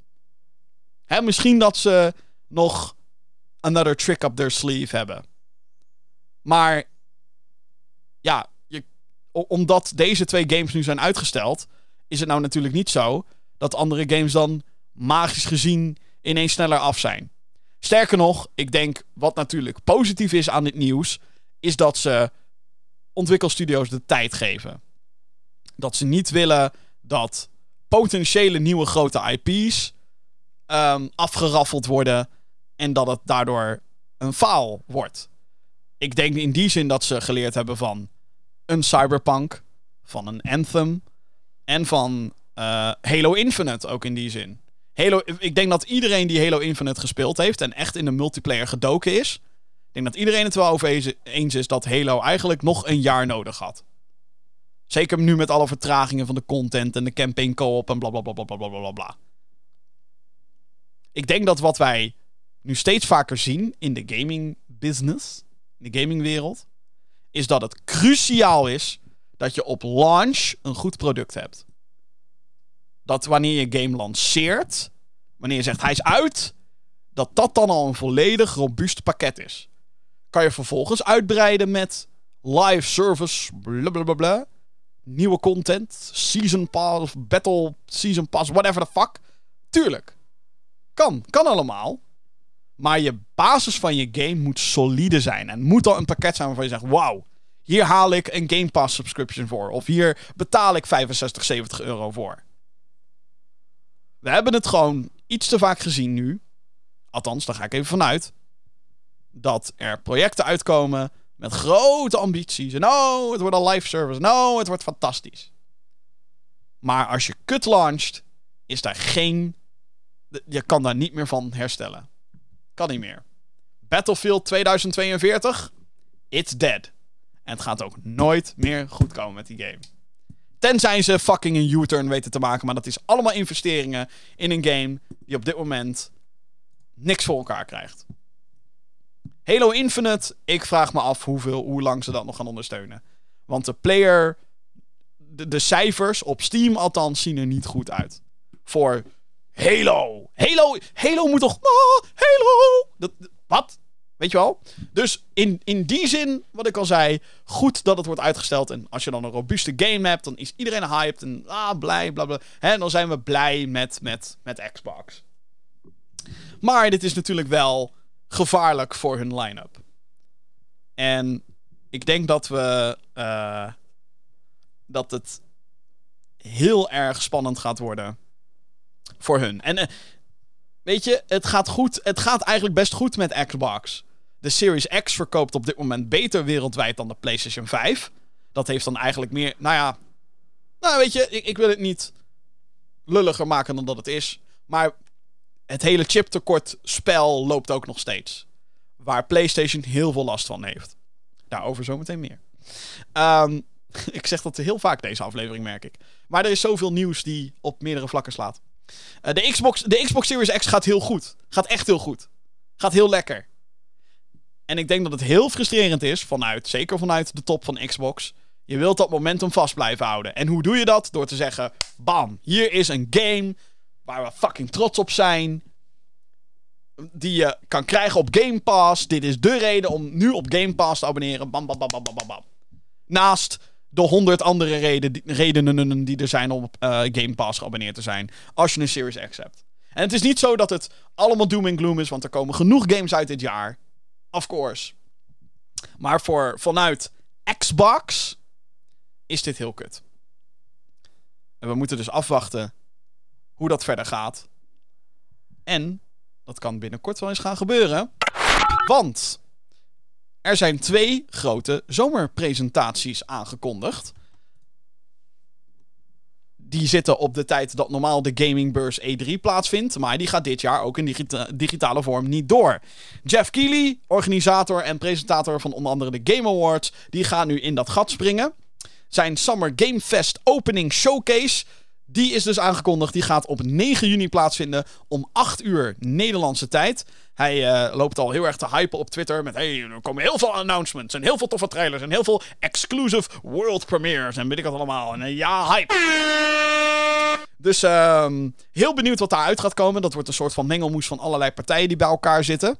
Eh, dus de Summer Game Fest Opening Showcase 9 juni, 8 uur. Maar er is ook geluid vanuit de Microsoft hoek. Zij hebben de Xbox plus Bethesda Showcase aangekondigd. Dit zal dus een gezamenlijke presentatie zijn van Xbox Game Studios en de door Xbox overgenomen uitgever Bethesda. Die laatste heeft al aangegeven dat Starfield dus te zien zal zijn. De Xbox Showcase is op 12 juni om 7 uur Nederlandse tijd. Dus dat is het moment dat we Redfall gaan zien. We gaan Starfield zien. Even ophypen voor volgend jaar. Op, op, op, hype, hype. En misschien dat daar dan nog een soort van... Haha, een Uno reverse card komt. Jij dacht dat 2022 kaal was voor Xbox. Hier is... Gears? Forza Motorsport? Eh... Fable? Hellblade 2? Die gaat denk ik dit jaar niet halen. Sterker nog, ik durf het bijna te zeggen, die gaat dit jaar niet halen. Ehm, ook een grote belangrijke game voor Xbox trouwens. Maar dan krijgen we echt te zien of, eh, hoe de status nou echt is met Xbox. Want als we dan niet een killer line-up hebben voor, voor eind dit jaar, oei. Hebben ze voor dit jaar in ieder geval een probleem. Dan wordt volgend jaar wordt killing, maar Oei, oei, oei. Maar er is er nog eentje. Uitgever 505 Games, die bekend staat om het uitbrengen van Control, de PC-versie van Death Stranding en Bloodstained, gaat ook een eigen presentatie houden. Deze is op 17 mei, dus op het moment van opnemen over een aantal dagen is al drie uur 's middags Nederlandse tijd. Dus eh, dat. Eh, er komen weer een aantal presentaties aan. Ehm, Jim, komen er nog meer? Ik denk dat er echt nog wel meer presentaties komen. Ik denk ook dat eh, Nintendo zeker wel met een grote Nintendo Direct komt. En het zal leuk zijn als dat ook in datzelfde weekend plaatsvindt. Want dan heb je toch nog een beetje een E3-achtig gevoel. Ondanks dus dat die beurs niet meer doorgaat. Wat ergens sad is. Nou, nou. Er zijn problemen, heel veel problemen. Uitgever Ubisoft lijkt steeds dieper in de problemen te zitten. En is naar manieren aan het kijken om eventueel overgenomen te worden. Maar daar zijn ze later weer van teruggekrabbeld. Hè? Dat melden meerdere nieuwswebsites. De familie van CEO Yves Guillemot. eh, die zijn ook aan het kijken naar mogelijk verkopen of juist bijkopen van aandelen. Zodat ze niet meer overgenomen hoeven te worden. Het is allemaal een, een, een, een mengelmoes daar, joh. Ubisoft is een Franse partij. Voornamelijk bekend voor grote franchises. Zoals eh, Tom Clancy, Assassin's Creed, Far Cry en Rainbow Six. Er zijn meerdere grote projecten in ontwikkeling die maar geen progressie lijken te boeken. Eh, Skull and Bones, X-Defiant, eh, Beyond Good and Evil 2, Roller Champions en The Division Heartland. Die zijn allemaal al jaren in ontwikkeling, maar nog steeds niet uit. Ondertussen lekte er ook een nog niet aangekondigde game die snel bevestigd werd. Het gaat om een Battle Arena shooter met de naam Project Q. Registraties voor testsessies zijn nu open. En dat is nog steeds niet het enige, want er is ook opvallend nieuws over Prince of Persia The Sands of Time remake. Deze gaat wisselen van ontwikkelaar. Ubisoft Montreal, een van de belangrijkste studio's van de uitgever, neemt het project van Ubisoft Mumbai en Ubisoft Pune uh, over. Die beide studio's zitten in India overigens. De game stond in eerste instantie gepland voor release in 2021, maar werd daarna meerdere malen uitgesteld. Bij de presentatie van de financiële jaarcijfers heeft Ubisoft wel bevestigd dat Mario plus Rabbids Sparks of Hope, Skull and Bones en Avatar Frontiers of Pandora voor maart 2023 moeten verschijnen. Dus daar kijken we waarschijnlijk naar twee najaarsgames. Avatar en Mario plus Rabbids en Skull and Bones zal waarschijnlijk maart zijn, als ik een gokje moet wagen. Het bedrijf boekte overigens 2,1 miljard euro omzet in 2021, een daling van 5% ten opzichte van het jaar daarvoor. Nou klinkt 5% in die zin nog niet als heel veel, maar dat is het wel. uh. Oké. Okay. Um. Ubisoft. Ubisoft, Ubisoft, Ubisoft. Uh, de familie, of uh, de familie, Yves Goulimont zelf, dus de CEO, heeft inmiddels her en der al geroepen: nee, we hebben alles in huis om gewoon ervoor te zorgen dat we door kunnen blijven gaan met wat we doen. Dus een overname zit er toch nog niet in. Maar, ik heb het al vaker gezegd, ook in deze show. Ubisoft is in de problemen. Ze hebben problemen. Dat heeft voornamelijk te maken met dat hun titels niet zo goed meer scoren als hiervoor. De moeheid bij de gamer omtrent de manier hoe sommige games gedesigned worden, is heel erg aan het toeslaan. Far Cry 6 was een hit voor Ubisoft. Maar waarschijnlijk niet zo'n grote hit als dat ze hadden gehoopt. Um, en al die projecten die echt al jarenlang in ontwikkeling zijn. Wat de fuck gebeurt daar? Ik kan het niet vaak genoeg zeggen.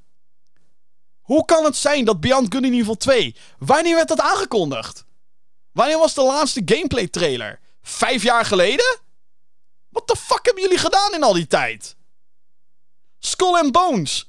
Een game wat eigenlijk gewoon de bootstand is uit, uit Assassin's Creed 3 en 4.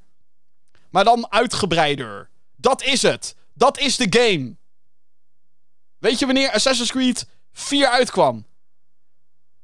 2000 motherfucking 13. Negen jaar geleden.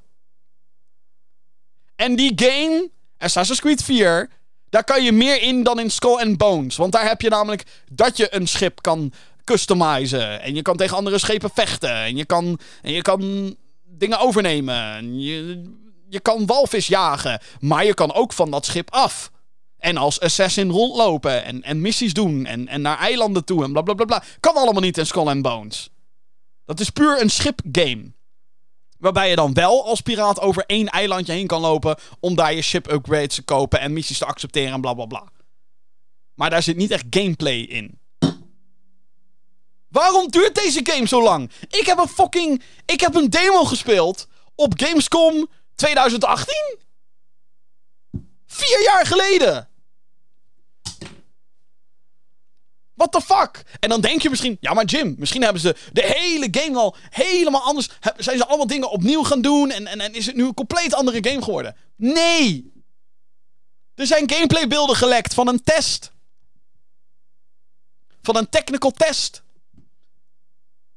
En het zag er exact hetzelfde uit. Het ziet er mooi uit. Mooier dan Assassin's Creed 4, sure.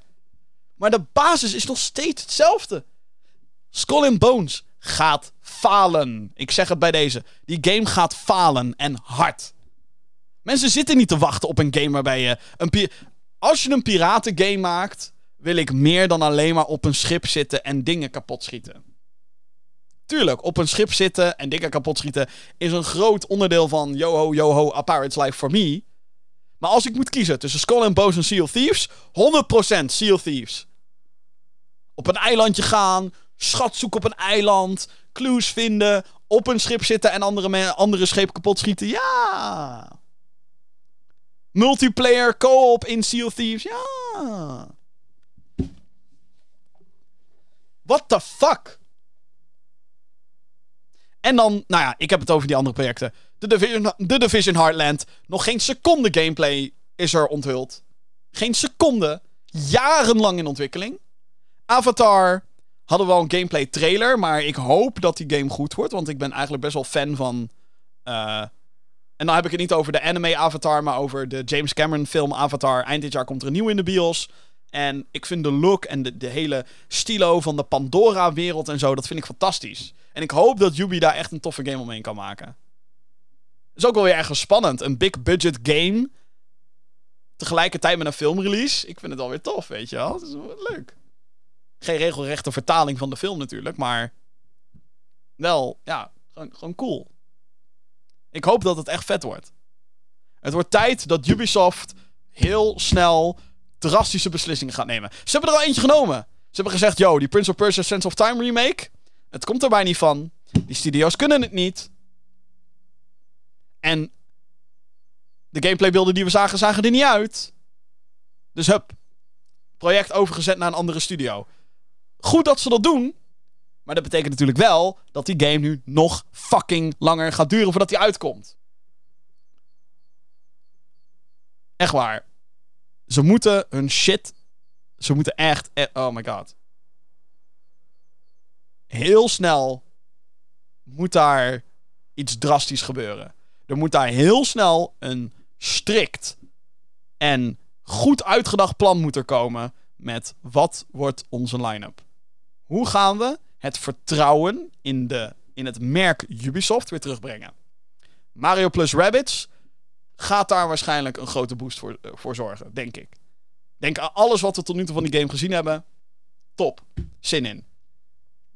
Als ze ons nou ook nog eens weg weten te blazen met een fucking vette Avatar game. En als, uh, wat was die derde game die nog uit moest komen? Oh ja, Skull and Bones. Ja, Skull and Bones heb ik geen vertrouwen meer in. Daar ga je al. Een van de drie Ubisoft games die dan ergens binnen nu en een jaar uit moet komen, denk ik van. Uh... En van heel veel hebben we dingen, officieel, nog niet gezien. Get your shit together, Yubi. Get your fucking shit together. Het wordt tijd. Het is al de hoogste tijd. Je bent al te laat. Maar schiet op.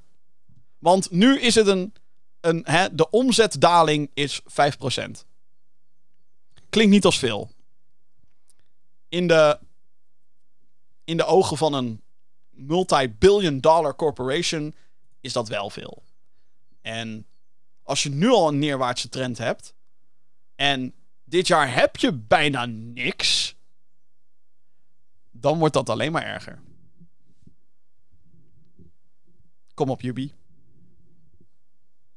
Jullie kunnen het. Of niet, maar dat moeten we zien. Oké, dan uh, ga ik even van uh, Rage Gym naar Hype Hype Hype Hype Gym. Soort van. Ten nadruk op soort van.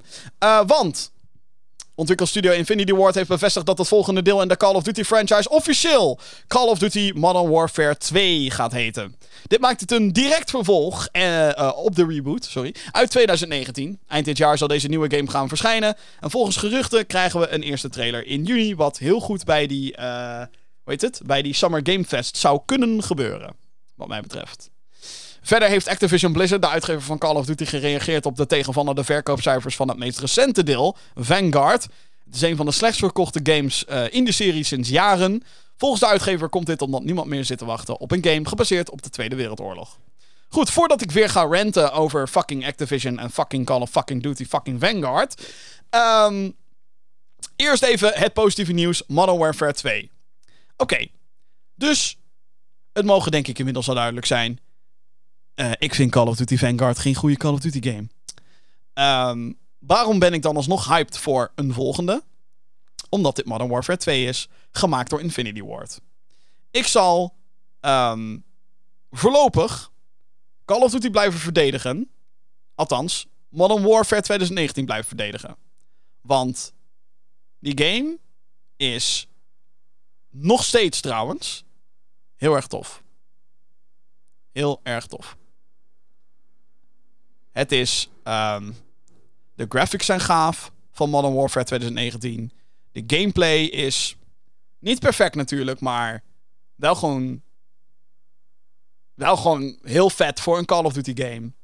De wapens, de sounds, de, de killstreaks, level design. Het is, al, het is niet van het hoogste niveau level design, by the way, maar er zitten echt een paar hele vette levels in. Die niet alleen maar remakes zijn van oudere, goede Call of Duty levels.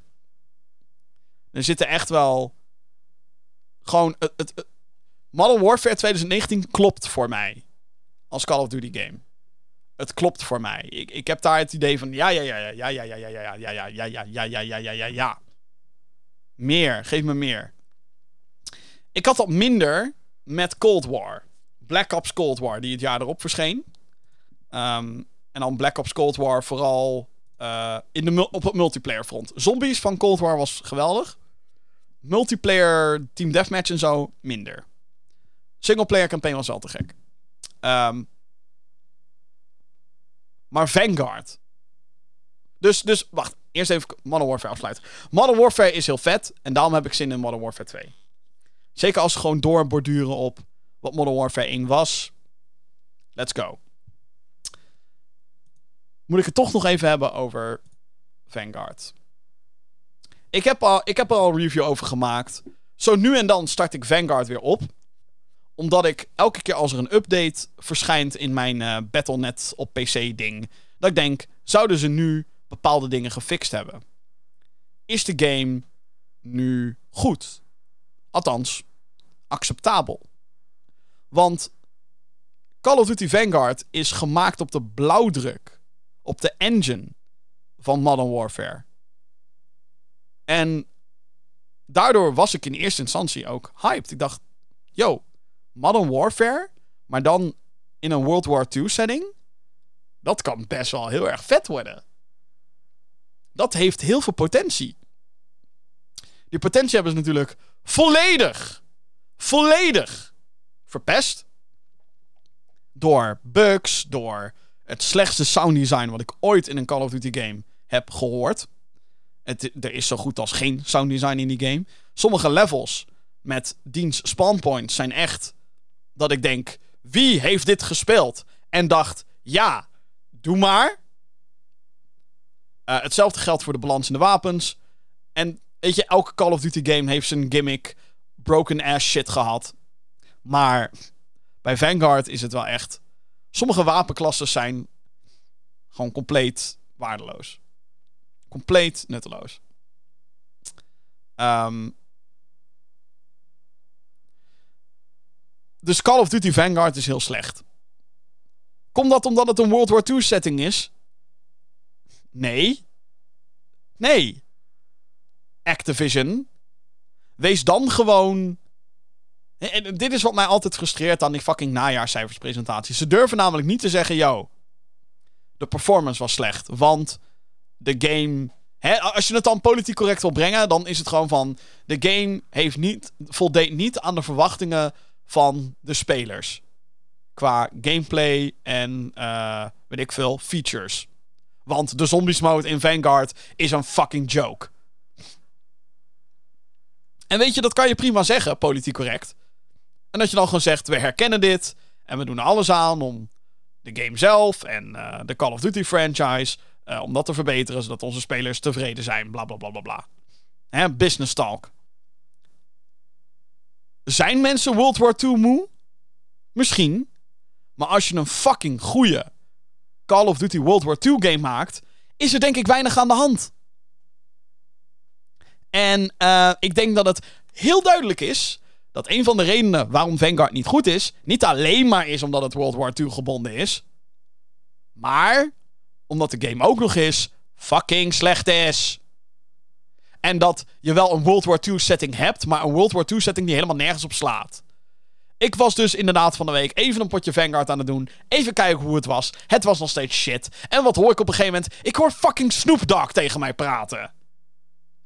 Want Snoop Dogg heeft een skin in Warzone. Maar dus is die skin ook in Vanguard. Ik bedoel, besef dit even. Call of Duty Vanguard is een World War II first-person shooter. En tuurlijk, multiplayer is altijd onrealistisch. Ik bedoel, fucking een Tweede Wereldoorlog game met een red dot site. Dat slaat helemaal nergens op. Maar whatever. Als je daar overheen kijkt. Fucking Snoop Dogg. Je hoort Snoop Dogg tegen je praten. What the fuck? En dan is dat nog het minst erge aan Call of Duty Vanguard. Dus, um, fuck you Activision. Nee, het ligt niet alleen aan de setting. Het ligt aan zoveel meer andere dingen. Bijvoorbeeld dat je game shit is. Nu hopen dat Call of Duty Modern Warfare 2 echt goed wordt. Maar oké, laat ik dit zeggen. Als Call of Duty Modern Warfare 2 niet goed is. Als het qua multiplayer op het niveau zit van Black Ops of. God behoede. Het is zoals Vanguard. I'm out. Dan ben ik weg. Dan, dan is Call of Duty voor mij pleiten. Zoek het dan maar uit. Veel succes Xbox met je nieuwe franchise. Maar goed, deze game moet wel tof zijn. Want het schijnt zo te zijn dat ze in 2023 geen Call of Duty willen uitbrengen. Dus deze game moet twee jaar lang de vette Call of Duty zijn die iedereen wil blijven spelen. Succes. Ik hoop oprecht dat het jullie lukt. Na vele geruchten is het nu officieel. EA Sports gaat zijn licentie met voetbalbond FIFA niet langer verlengen. Of niet verlengen dus.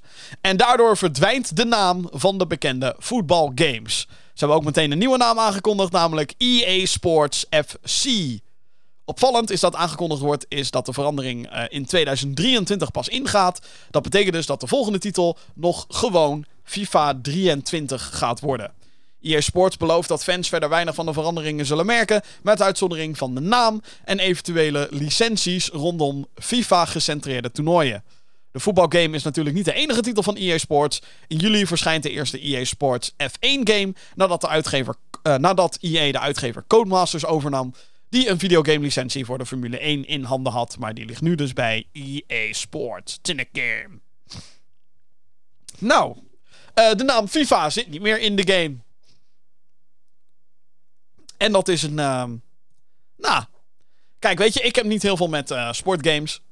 Maar het is wel zo. Althans, ik ga hier even vanuit. Maar volgens mij is het als je tegen de meeste mensen. Yo, FIFA. Wat is het eerste wat de mensen opkomt? Bij de meeste is dat de game. Zegt, hé, hey, dus de nieuwe FIFA.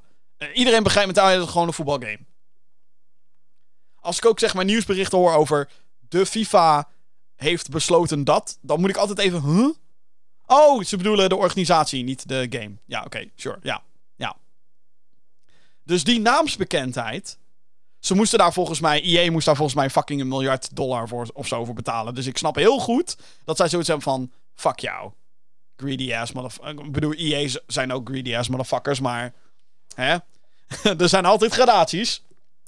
Um, dus ik snap heel goed dat die beslissing gemaakt is de zakelijke beslissing. Want verder behouden ze nog wel de licenties van alle spelers en bla bla bla, bla et cetera, et cetera.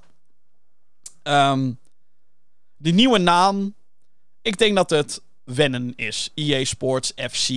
Hm. Klinkt nu nog niet echt als iets heel erg goeds. Het is hier heel erg catchy. Dat is ook een beetje het nadeel natuurlijk. FIFA was heel catchy. FIFA.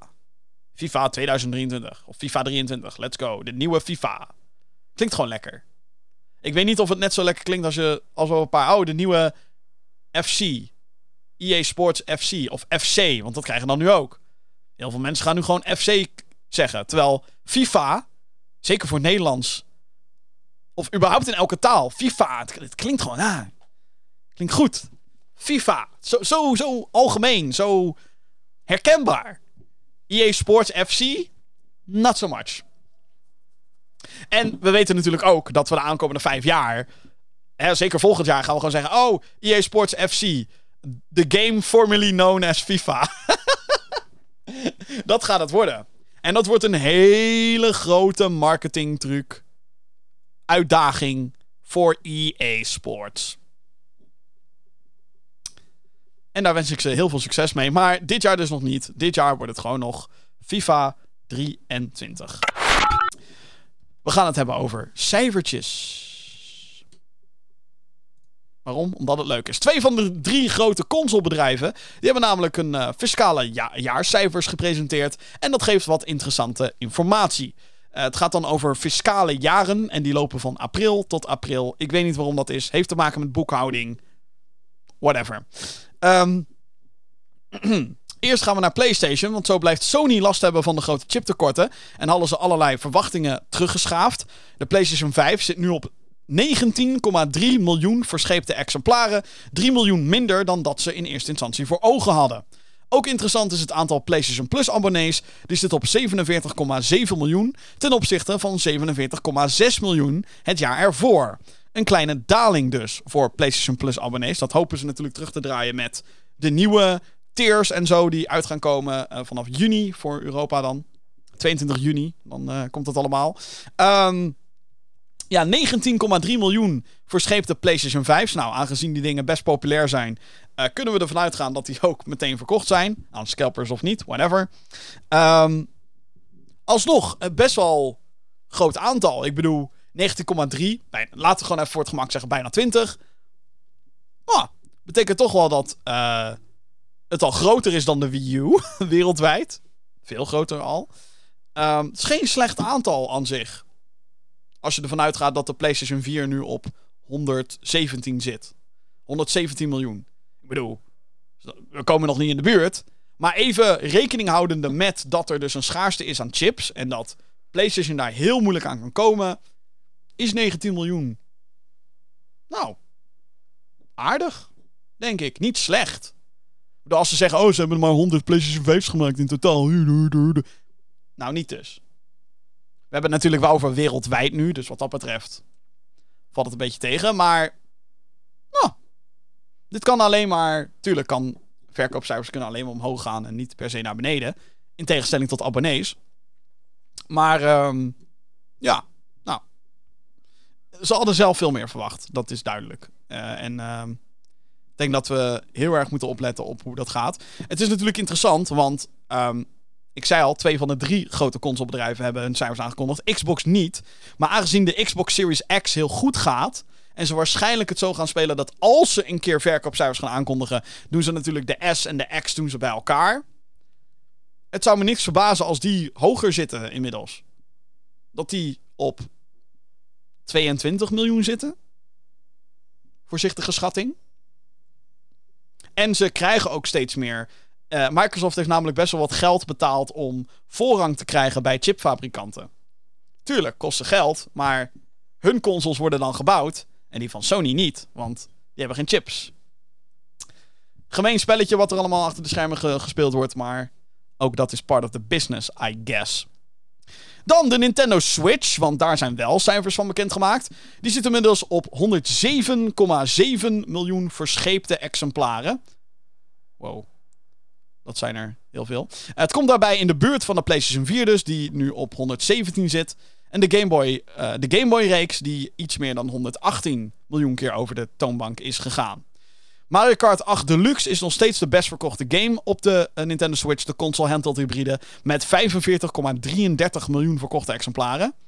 Er zijn ook wat data over nieuwere games uh, naar buiten gebracht. Metroid Dread is nu officieel de best verkochte in de franchise met 2,9 miljoen. Kirby en de Vergeten Wereld is al 2,1 miljoen keer verkocht. Die game kwam uit in maart. Dus holy shit, dat is echt heel veel. Um, Pokémon Legends Arceus is een gigantische hit. De game kwam afgelopen januari uit en is al 12,6 miljoen keer over de toonbank gegaan. Dus Nintendo. Nintendo doet goede zaken. Holy shit. De Switch gaat als een fucking malle. En daar komt geen einde aan ook. Want ondanks dat ik mijn kritiek heb op Nintendo Switch Sports, zou het me niets verbazen als ze hebben daar ook allemaal advertentiecampagnes omheen. En oh, kijk, ons eens met z'n allen met het hele gezin weer genieten van Nintendo Switch Sports. Dat gaat ook weer exemplaren verkopen. Ehm, Mario Battle League Football, Splatoon, Xenoblade. Volgend jaar komt Zelda. Mogelijk met een nieuwe Switch variant. Vraagteken. Misschien de opvolger van de Switch. We moeten het allemaal maar afwachten. Want dat was heel interessant. Ehm, achteraf werd gevraagd na de presentatie van de jaarcijfers aan Nintendo. Komt er een nieuw model uit van de Switch dit fiscale jaar? En Nintendo wilde geen commentaar leveren. Hmm. Hmm. Weet je, in andere jaren hebben ze namelijk gewoon gezegd: nee, nee, zijn we niet van plan. Nee. Nee. Maar nu was het ineens. Nee, nee, geen commentaar. Hmm. Hmm. Sas. Very sas. Maar ik, uh, ik geniet ervan. Um, een, een, een gezond, succesvol Nintendo is goed voor de business. In sommige aspecten. Andere aspecten niet natuurlijk. Vooral goed voor hun business, maar ook spannend voor de gaming-industrie. Omdat, denk ik, wij heel veel, of heel veel ontwikkelstudio's kunnen leren. En ook PlayStation en Xbox kunnen leren van de manier hoe Nintendo sommige dingen aanpakt. Sommige dingen doen Nintendo en Xbox natuurlijk superieur, zoals online diensten. En dan heb ik het niet alleen maar over hoe online zelf werkt, maar ook de abonnementsdiensten, et cetera, et cetera. Um, de manier van digitale distributie en zo is allemaal far superior op, op, op PlayStation en Xbox. En natuurlijk um, de mogelijkheden van de games. Ik um, heb van de week ook een Indie World presentatie gezien van Nintendo. En het is shocking hoe sommige games eruit zien. Want zelfs indie, indie developers zijn nu op een punt gekomen dat ze dingen met games willen doen die de Switch totaal niet kan handelen. Kan het gewoon niet. Het was de technologie van de Switch was outdated in 2017 en dat doet nu nog meer zeer in 2022. En alhoewel er nog steeds games uitkomen voor de Switch die er prima uitzien. Prima. Denk ik dat we inmiddels in een soort tijdperk zijn aangekomen waar we het liefste. Um, waar we um, heel graag resolutie uh, opofferen voor goede performance. En ik denk dat Nintendo daar heel veel profijt uit kan halen. Door ook met de nieuwe Switch of de Switch Pro of whatever the fuck het gaat worden. Misschien gaan ze wel gewoon voor een ordinaire upgrade. Uh, hè, dat het echt de Switch Pro wordt. Zodat we. Zodat je gewoon wat meer rekenkracht hebt. Zodat de performance omhoog kan. Zodat de resolutie echt 1080p kan blijven en worden. In plaats van.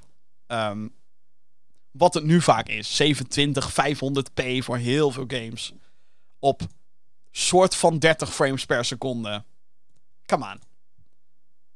Met uitzondering natuurlijk van een aantal games die super goed draaien op Switch. En gewoon lekker spelen. Want die zijn er ook. Die zijn er ook.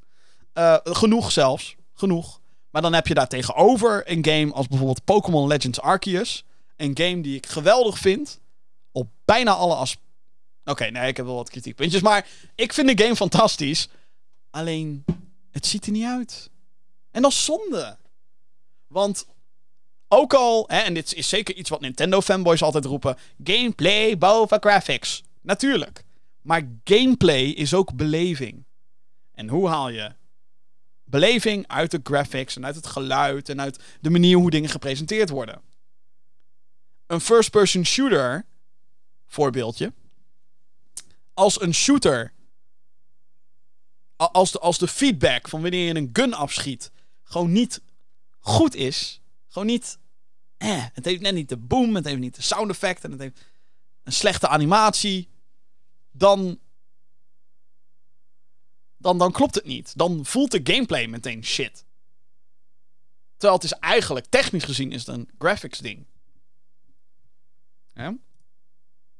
Hebben de impact van Mario sprongen, dat zou als dat niet goed zou zijn door de manier hoe die geanimeerd is, of door de manier hoe zijn animatie verloopt en hoe de spelwereld erop reageert. Als dat niet lekker zou zijn, dan zouden Mario games ook niet fun zijn. En dat moet kloppen. Moet kloppen. En ook dat is een technisch grafisch dingetje. Tuurlijk, heeft ook heel veel met design te maken. Sure.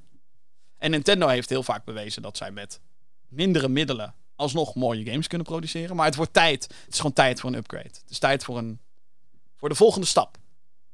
Voor Nintendo. Volgend jaar helemaal. Maar goed, voor nu nog genieten van het succes van de Switch. Ehm, wat mij betreft wel verdiend. Want ook al speel ik er niet genoeg op. De Switch is wel een uh, prachtig apparaat natuurlijk. Oké. Op de forum. Op. Uh, even overnieuw, jongen. Ja. Op forumwebsite 4chan is een beeld gelekt van first-person shooter Duke Nukem Forever uit 2001. Dit is een belangrijke versie van de game. Waarom, Jim? Omdat dit de meest afgemaakte versie was voor de zoveelste herontwikkeling.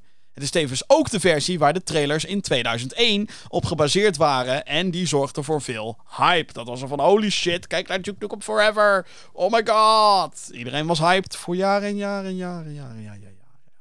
Duke Nukem Forever is een game die 14 jaar in ontwikkeling is geweest. Hoofd van ontwikkelstudio 3D Realms besloot door de jaren heen continu van blauwdruk en engine te wisselen, waardoor het project maar niet afkwam. Op den duur was de geldkraan leeg en werd, het, uh, werd de game met de Duke Nukem licentie overgenomen door Gearbox. Een klein team maakte vervolgens de titel binnen een paar jaar af. Uiteindelijk, uh, en dat werd dan uiteindelijk de game die in 2011 het licht zag op PC, Xbox 360 en PlayStation 3. Volgens Gearbox-CEO Randy Pitchford was de oudere versie zo'n 90% af. Uit de eerste reacties van de gelekte versie kunnen we vooral uitmaken dat heel veel nog niet af was, maar dat de potentie gigantisch was. Dus, in principe is er dus een oude prototype game is nu op het internet gezet. Um, ik heb het zelf nu niet, nog niet uitgeprobeerd. Um, ik heb natuurlijk wel de beelden gekeken. En het is vooral heel interessant om te zien hoe nu een 20 jaar oude onafgemaakte game uh, nu alsnog zijn weg vindt naar heel veel spelers.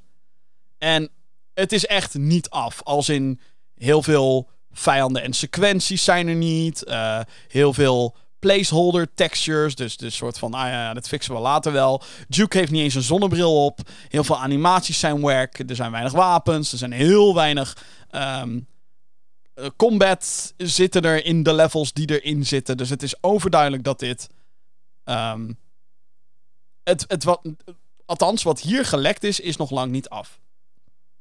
Heel veel voice acting die overduidelijk nog niet door acteurs is ingesproken, maar door een paar...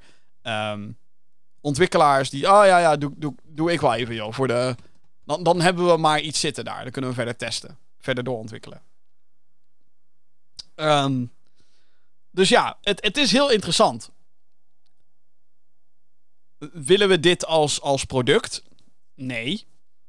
Het is natuurlijk wel, hierdoor is wel Duke Nukem weer even... Um, ja, in, in, in, het, in het geheugen van mensen even uh, tevoorschijn geschoten. En het blijft toch wel eeuwig zonde wat Gearbox gewoon nooit heeft gedaan met Duke Nukem. Ze hebben toen ze Duke Nukem hadden overgenomen, hadden ze Forever soort van afgemaakt. Lees afgeraffeld. Ik denk dat het zeker achteraf gezien, want Duke Nukem Forever is shit. Um, de gereleasede versie. Um, ik denk dat het achteraf veel beter was geweest als ze gewoon opnieuw waren begonnen. Maar ja, hè? daar wilden ze het geld weer niet voor insteken. Ze dachten, oh, lekker cashen, huppakee. Afraffelen die zooi en uitbrengen. Um, maar daarna is er niks meer gebeurd met Duke Nukem. Met uitzondering van uh, dat Duke Nukem is toegevoegd in Bulletstorm. Als Oh ja, je kan in plaats van het main character van Bulletstorm... kan je met Duke Nukem spelen. Met zijn voice lines. ze hebben nog een vertiefde poort van Duke Nukem 3D hebben ze uitgebracht.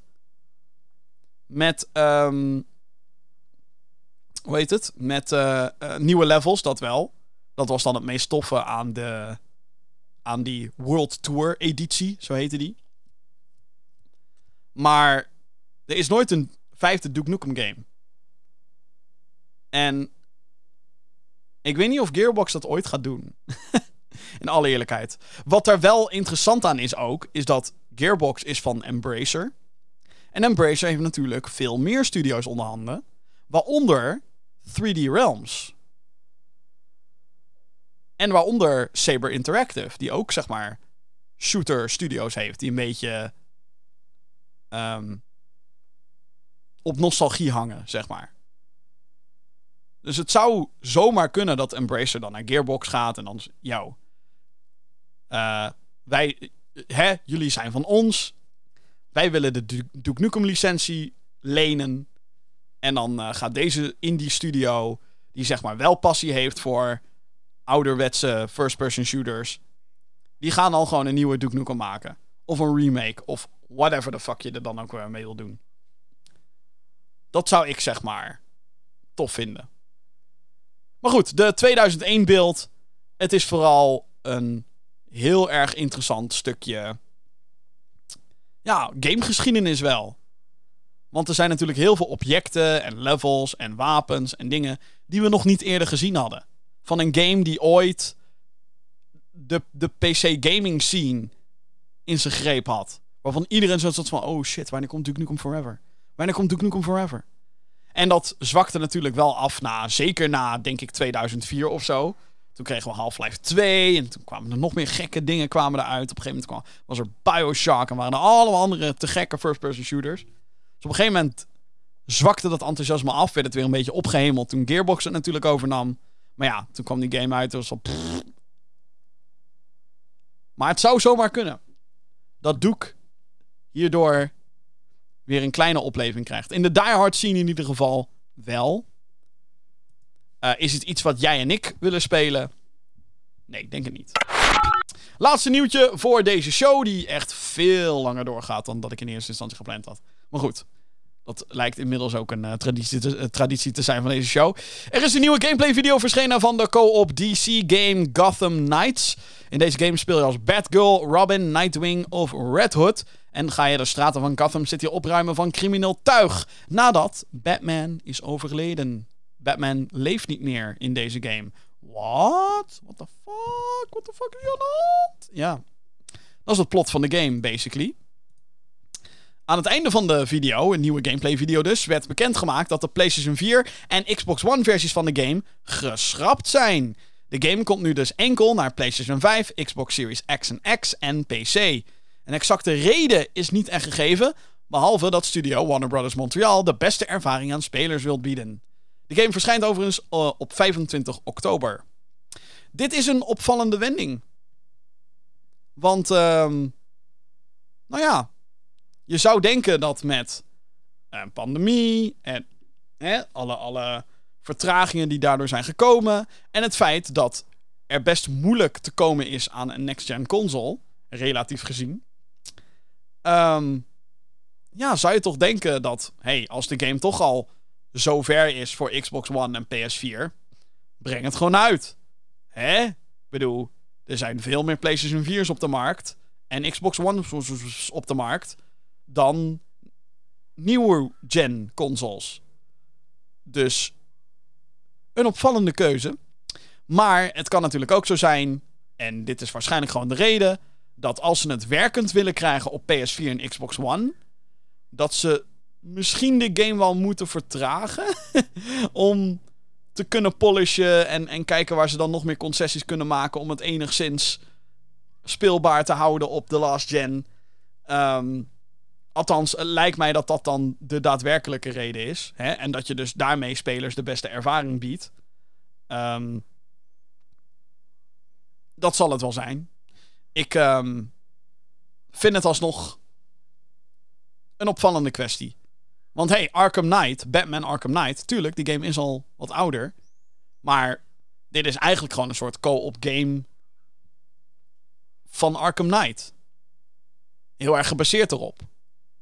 Alleen dan natuurlijk wel grafisch opgepoetst her en der. Mooiere lichteffecten, hoge resolutie, blablabla. Maar je zou denken dat dat wel gewoon dat dat kan werken, toch? En dat je dat dus ook enigszins speelbaar kan houden op PS4 en Xbox One. Maar misschien is het daarom ook een financieel dingetje dat ze denken, ja, weet je, eh, fuck it. We doen next gen only. Of current gen only is het dan eigenlijk. Dus ehm, dat. Geen Gotham Knights voor PS4. Dan wel de Xbox One. Oh nee. Heb jij een vraag voor de show? Mail naar podcast@gamergeeks.nl. Ja, ja, ja, ja, ja, ja, ja, ja. ja! Bijna aan het einde van deze podcast. Maar eerst dus nog een mailtje. En die is van Hugo. Die zegt: Beste geeks, ik heb twee, twee vragen. Jeetje. Twee. Wauw. Eh, ik heb Horizon Zero Dawn gekocht voor de PC. Ik heb er nu 35 uur in zitten. Toen ik begon met spelen, zat ik nog te twijfelen of ik hem zou spelen op controller of met muis en toetsenbord. Ik ben uiteindelijk voor muis en toetsenbord gegaan, gegaan. Mijn vraag aan jullie is: hoe spelen jullie action RPG's het liefste? Met controller of met muis en toetsenbord? En welke controller gebruiken jullie voor PC? Ik gebruik een Xbox 360 controller. Oké, laat ik deze eerst even beantwoorden. Ehm, als eerste gebruik ik voor PC een Xbox One controller. Ehm, met eigen kleurtjes. En ik heb mijn nickname erop laten graveren, want waarom niet? Hahaha, potje gamen. Hartstikke leuk. Het heeft de Gaming Geeks kleuren, dus groen en zwart. Eh, met rubberen gripjes aan de achterkant. Ik hou van deze controller. Vind het geweldig. Dat Xbox Design Lab, ik hou ervan. Hoewel ik natuurlijk ook gewoon een DualSense kan gebruiken. Hoeft niet. Kan wel. Maar dat, dat kan ook gewoon op PC. Het, eh, het kan me eigenlijk niet heel veel schelen. Maar ik ben nu gewend om op PC met een Xbox controller te spelen. Dus doe ik dat. En als ik een DualSense in, in mijn handen heb, dan ja, heb ik toch het idee dat ik achter een PlayStation moet zitten of zo. Dus het, is, het, is, heeft helemaal niks te maken met of het wel of niet beter of leuker is. Maar het heeft gewoon te maken met mijn gewenning. Dus dat. Uh, dat is. Uh, wat, wat, wat was dat? Oh ja, of ik action RPG's met muis en toetsenbord of controller speel. Hangt af van de desbetreffende action RPG. Um, kijk, Horizon is heel veel schieten. Dus ik kan heel goed begrijpen dat dat lekkerder is met muis en toetsenbord. Maar een Uncharted, bijvoorbeeld. Ik denk dat. Ja, dat is ook heel veel schieten natuurlijk. Maar. Ja, dat voelt voor mij veel meer als een controller game. Denk ik. God of War, hetzelfde. Ik, dat met muis en toetsenbord, ik weet niet of dat wel zo leuk is. Hmm. Het hangt er echt een beetje vanaf hoe, hoeveel nadruk er ligt op het richten. Kijk, Uncharted is voor mij gewoon controller, want dat heb ik altijd op PlayStation gespeeld. Dus de, dat is controller. Um, maar God of War met muis en toetsenbord bijvoorbeeld. Nee.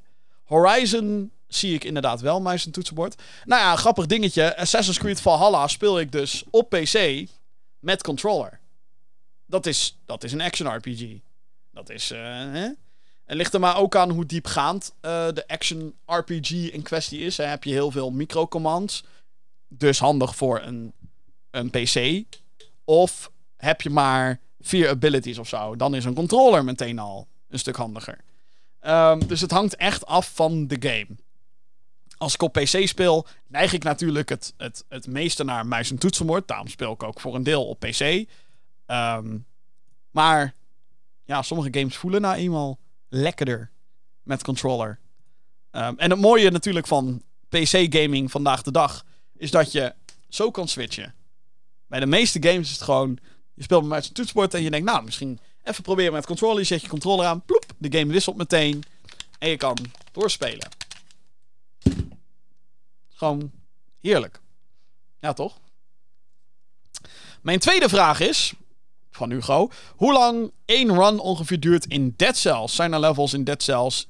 Uh, zijn er levels in Dead Cells? Of is het dat als je doodgaat, je dan de hele game opnieuw moet spelen? Ik heb de review gekeken van Jim en leek mij een erg leuke game. Vooral omdat het mijn eerste roguelike wordt. Um, Oké, dus Dead Cells is een 2D actie-platformer roguelike. Um, heel erg vet, overigens. En ik heb die game vier jaar geleden gereviewd. Ik moet heel eerlijk bekennen dat ik na het reviewen van die game hem niet heel veel gespeeld meer heb. En ik weet wel dat er inmiddels een shitload aan updates en, en, en DLC is er overheen gekomen. Toen ik de base game speelde, was het zo dat als je doodgaat, moet je opnieuw beginnen. Met natuurlijk permanente, op, natuurlijk, met permanente upgrades die de boel makkelijker maken. Hoe lang een run duurt, is dus afhankelijk van jouw speelstijl. Want er zijn. ehm, er zijn zeg maar ook beloningen in Dead Cells. Dit weet ik nog wel. Dat zat niet in mijn review overigens, wat opvallend is. Dat ik dat nooit benoemd heb. Maar. ehm oude review inmiddels ook. Maar ehm, in Dead Cells heb je bepaalde kamers waar je alleen maar in kan. Met daarin upgrades en zo. Waar je alleen maar in kan als je daar binnen een bepaalde tijd bent.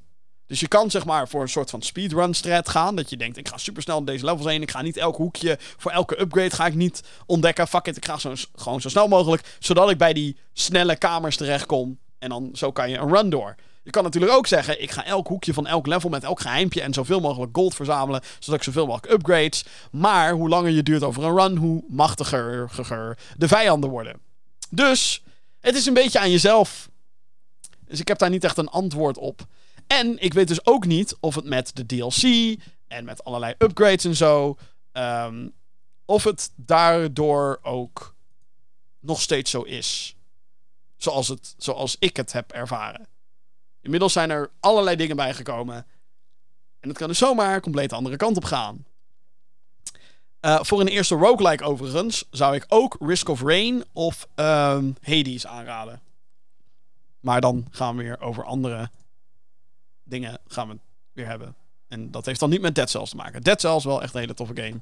Jezus, waarom heb je zo lang gewacht op het spelen daarvan? Heb jij een vraag voor de show? Mail naar podcast.gamergeeks.nl En daarmee ben ik aan het einde gekomen van deze aflevering van de Gaming Geeks podcast. Jezus, wat wat was de lange? Bijna twee uur. Bijna twee keer zo lang als dat ik voor ogen had. Oh man. Ehm, anyway, wat, als je dit nu hoort, wat tof dat je zo lang hebt geluisterd naar al mijn gezever over videogames. Eh, aflevering nummer 190 was dit. Nou, je weet het, hè. Als jij dus ook een vraag hebt die je in de show behandeld wil hebben, of een onderwerp.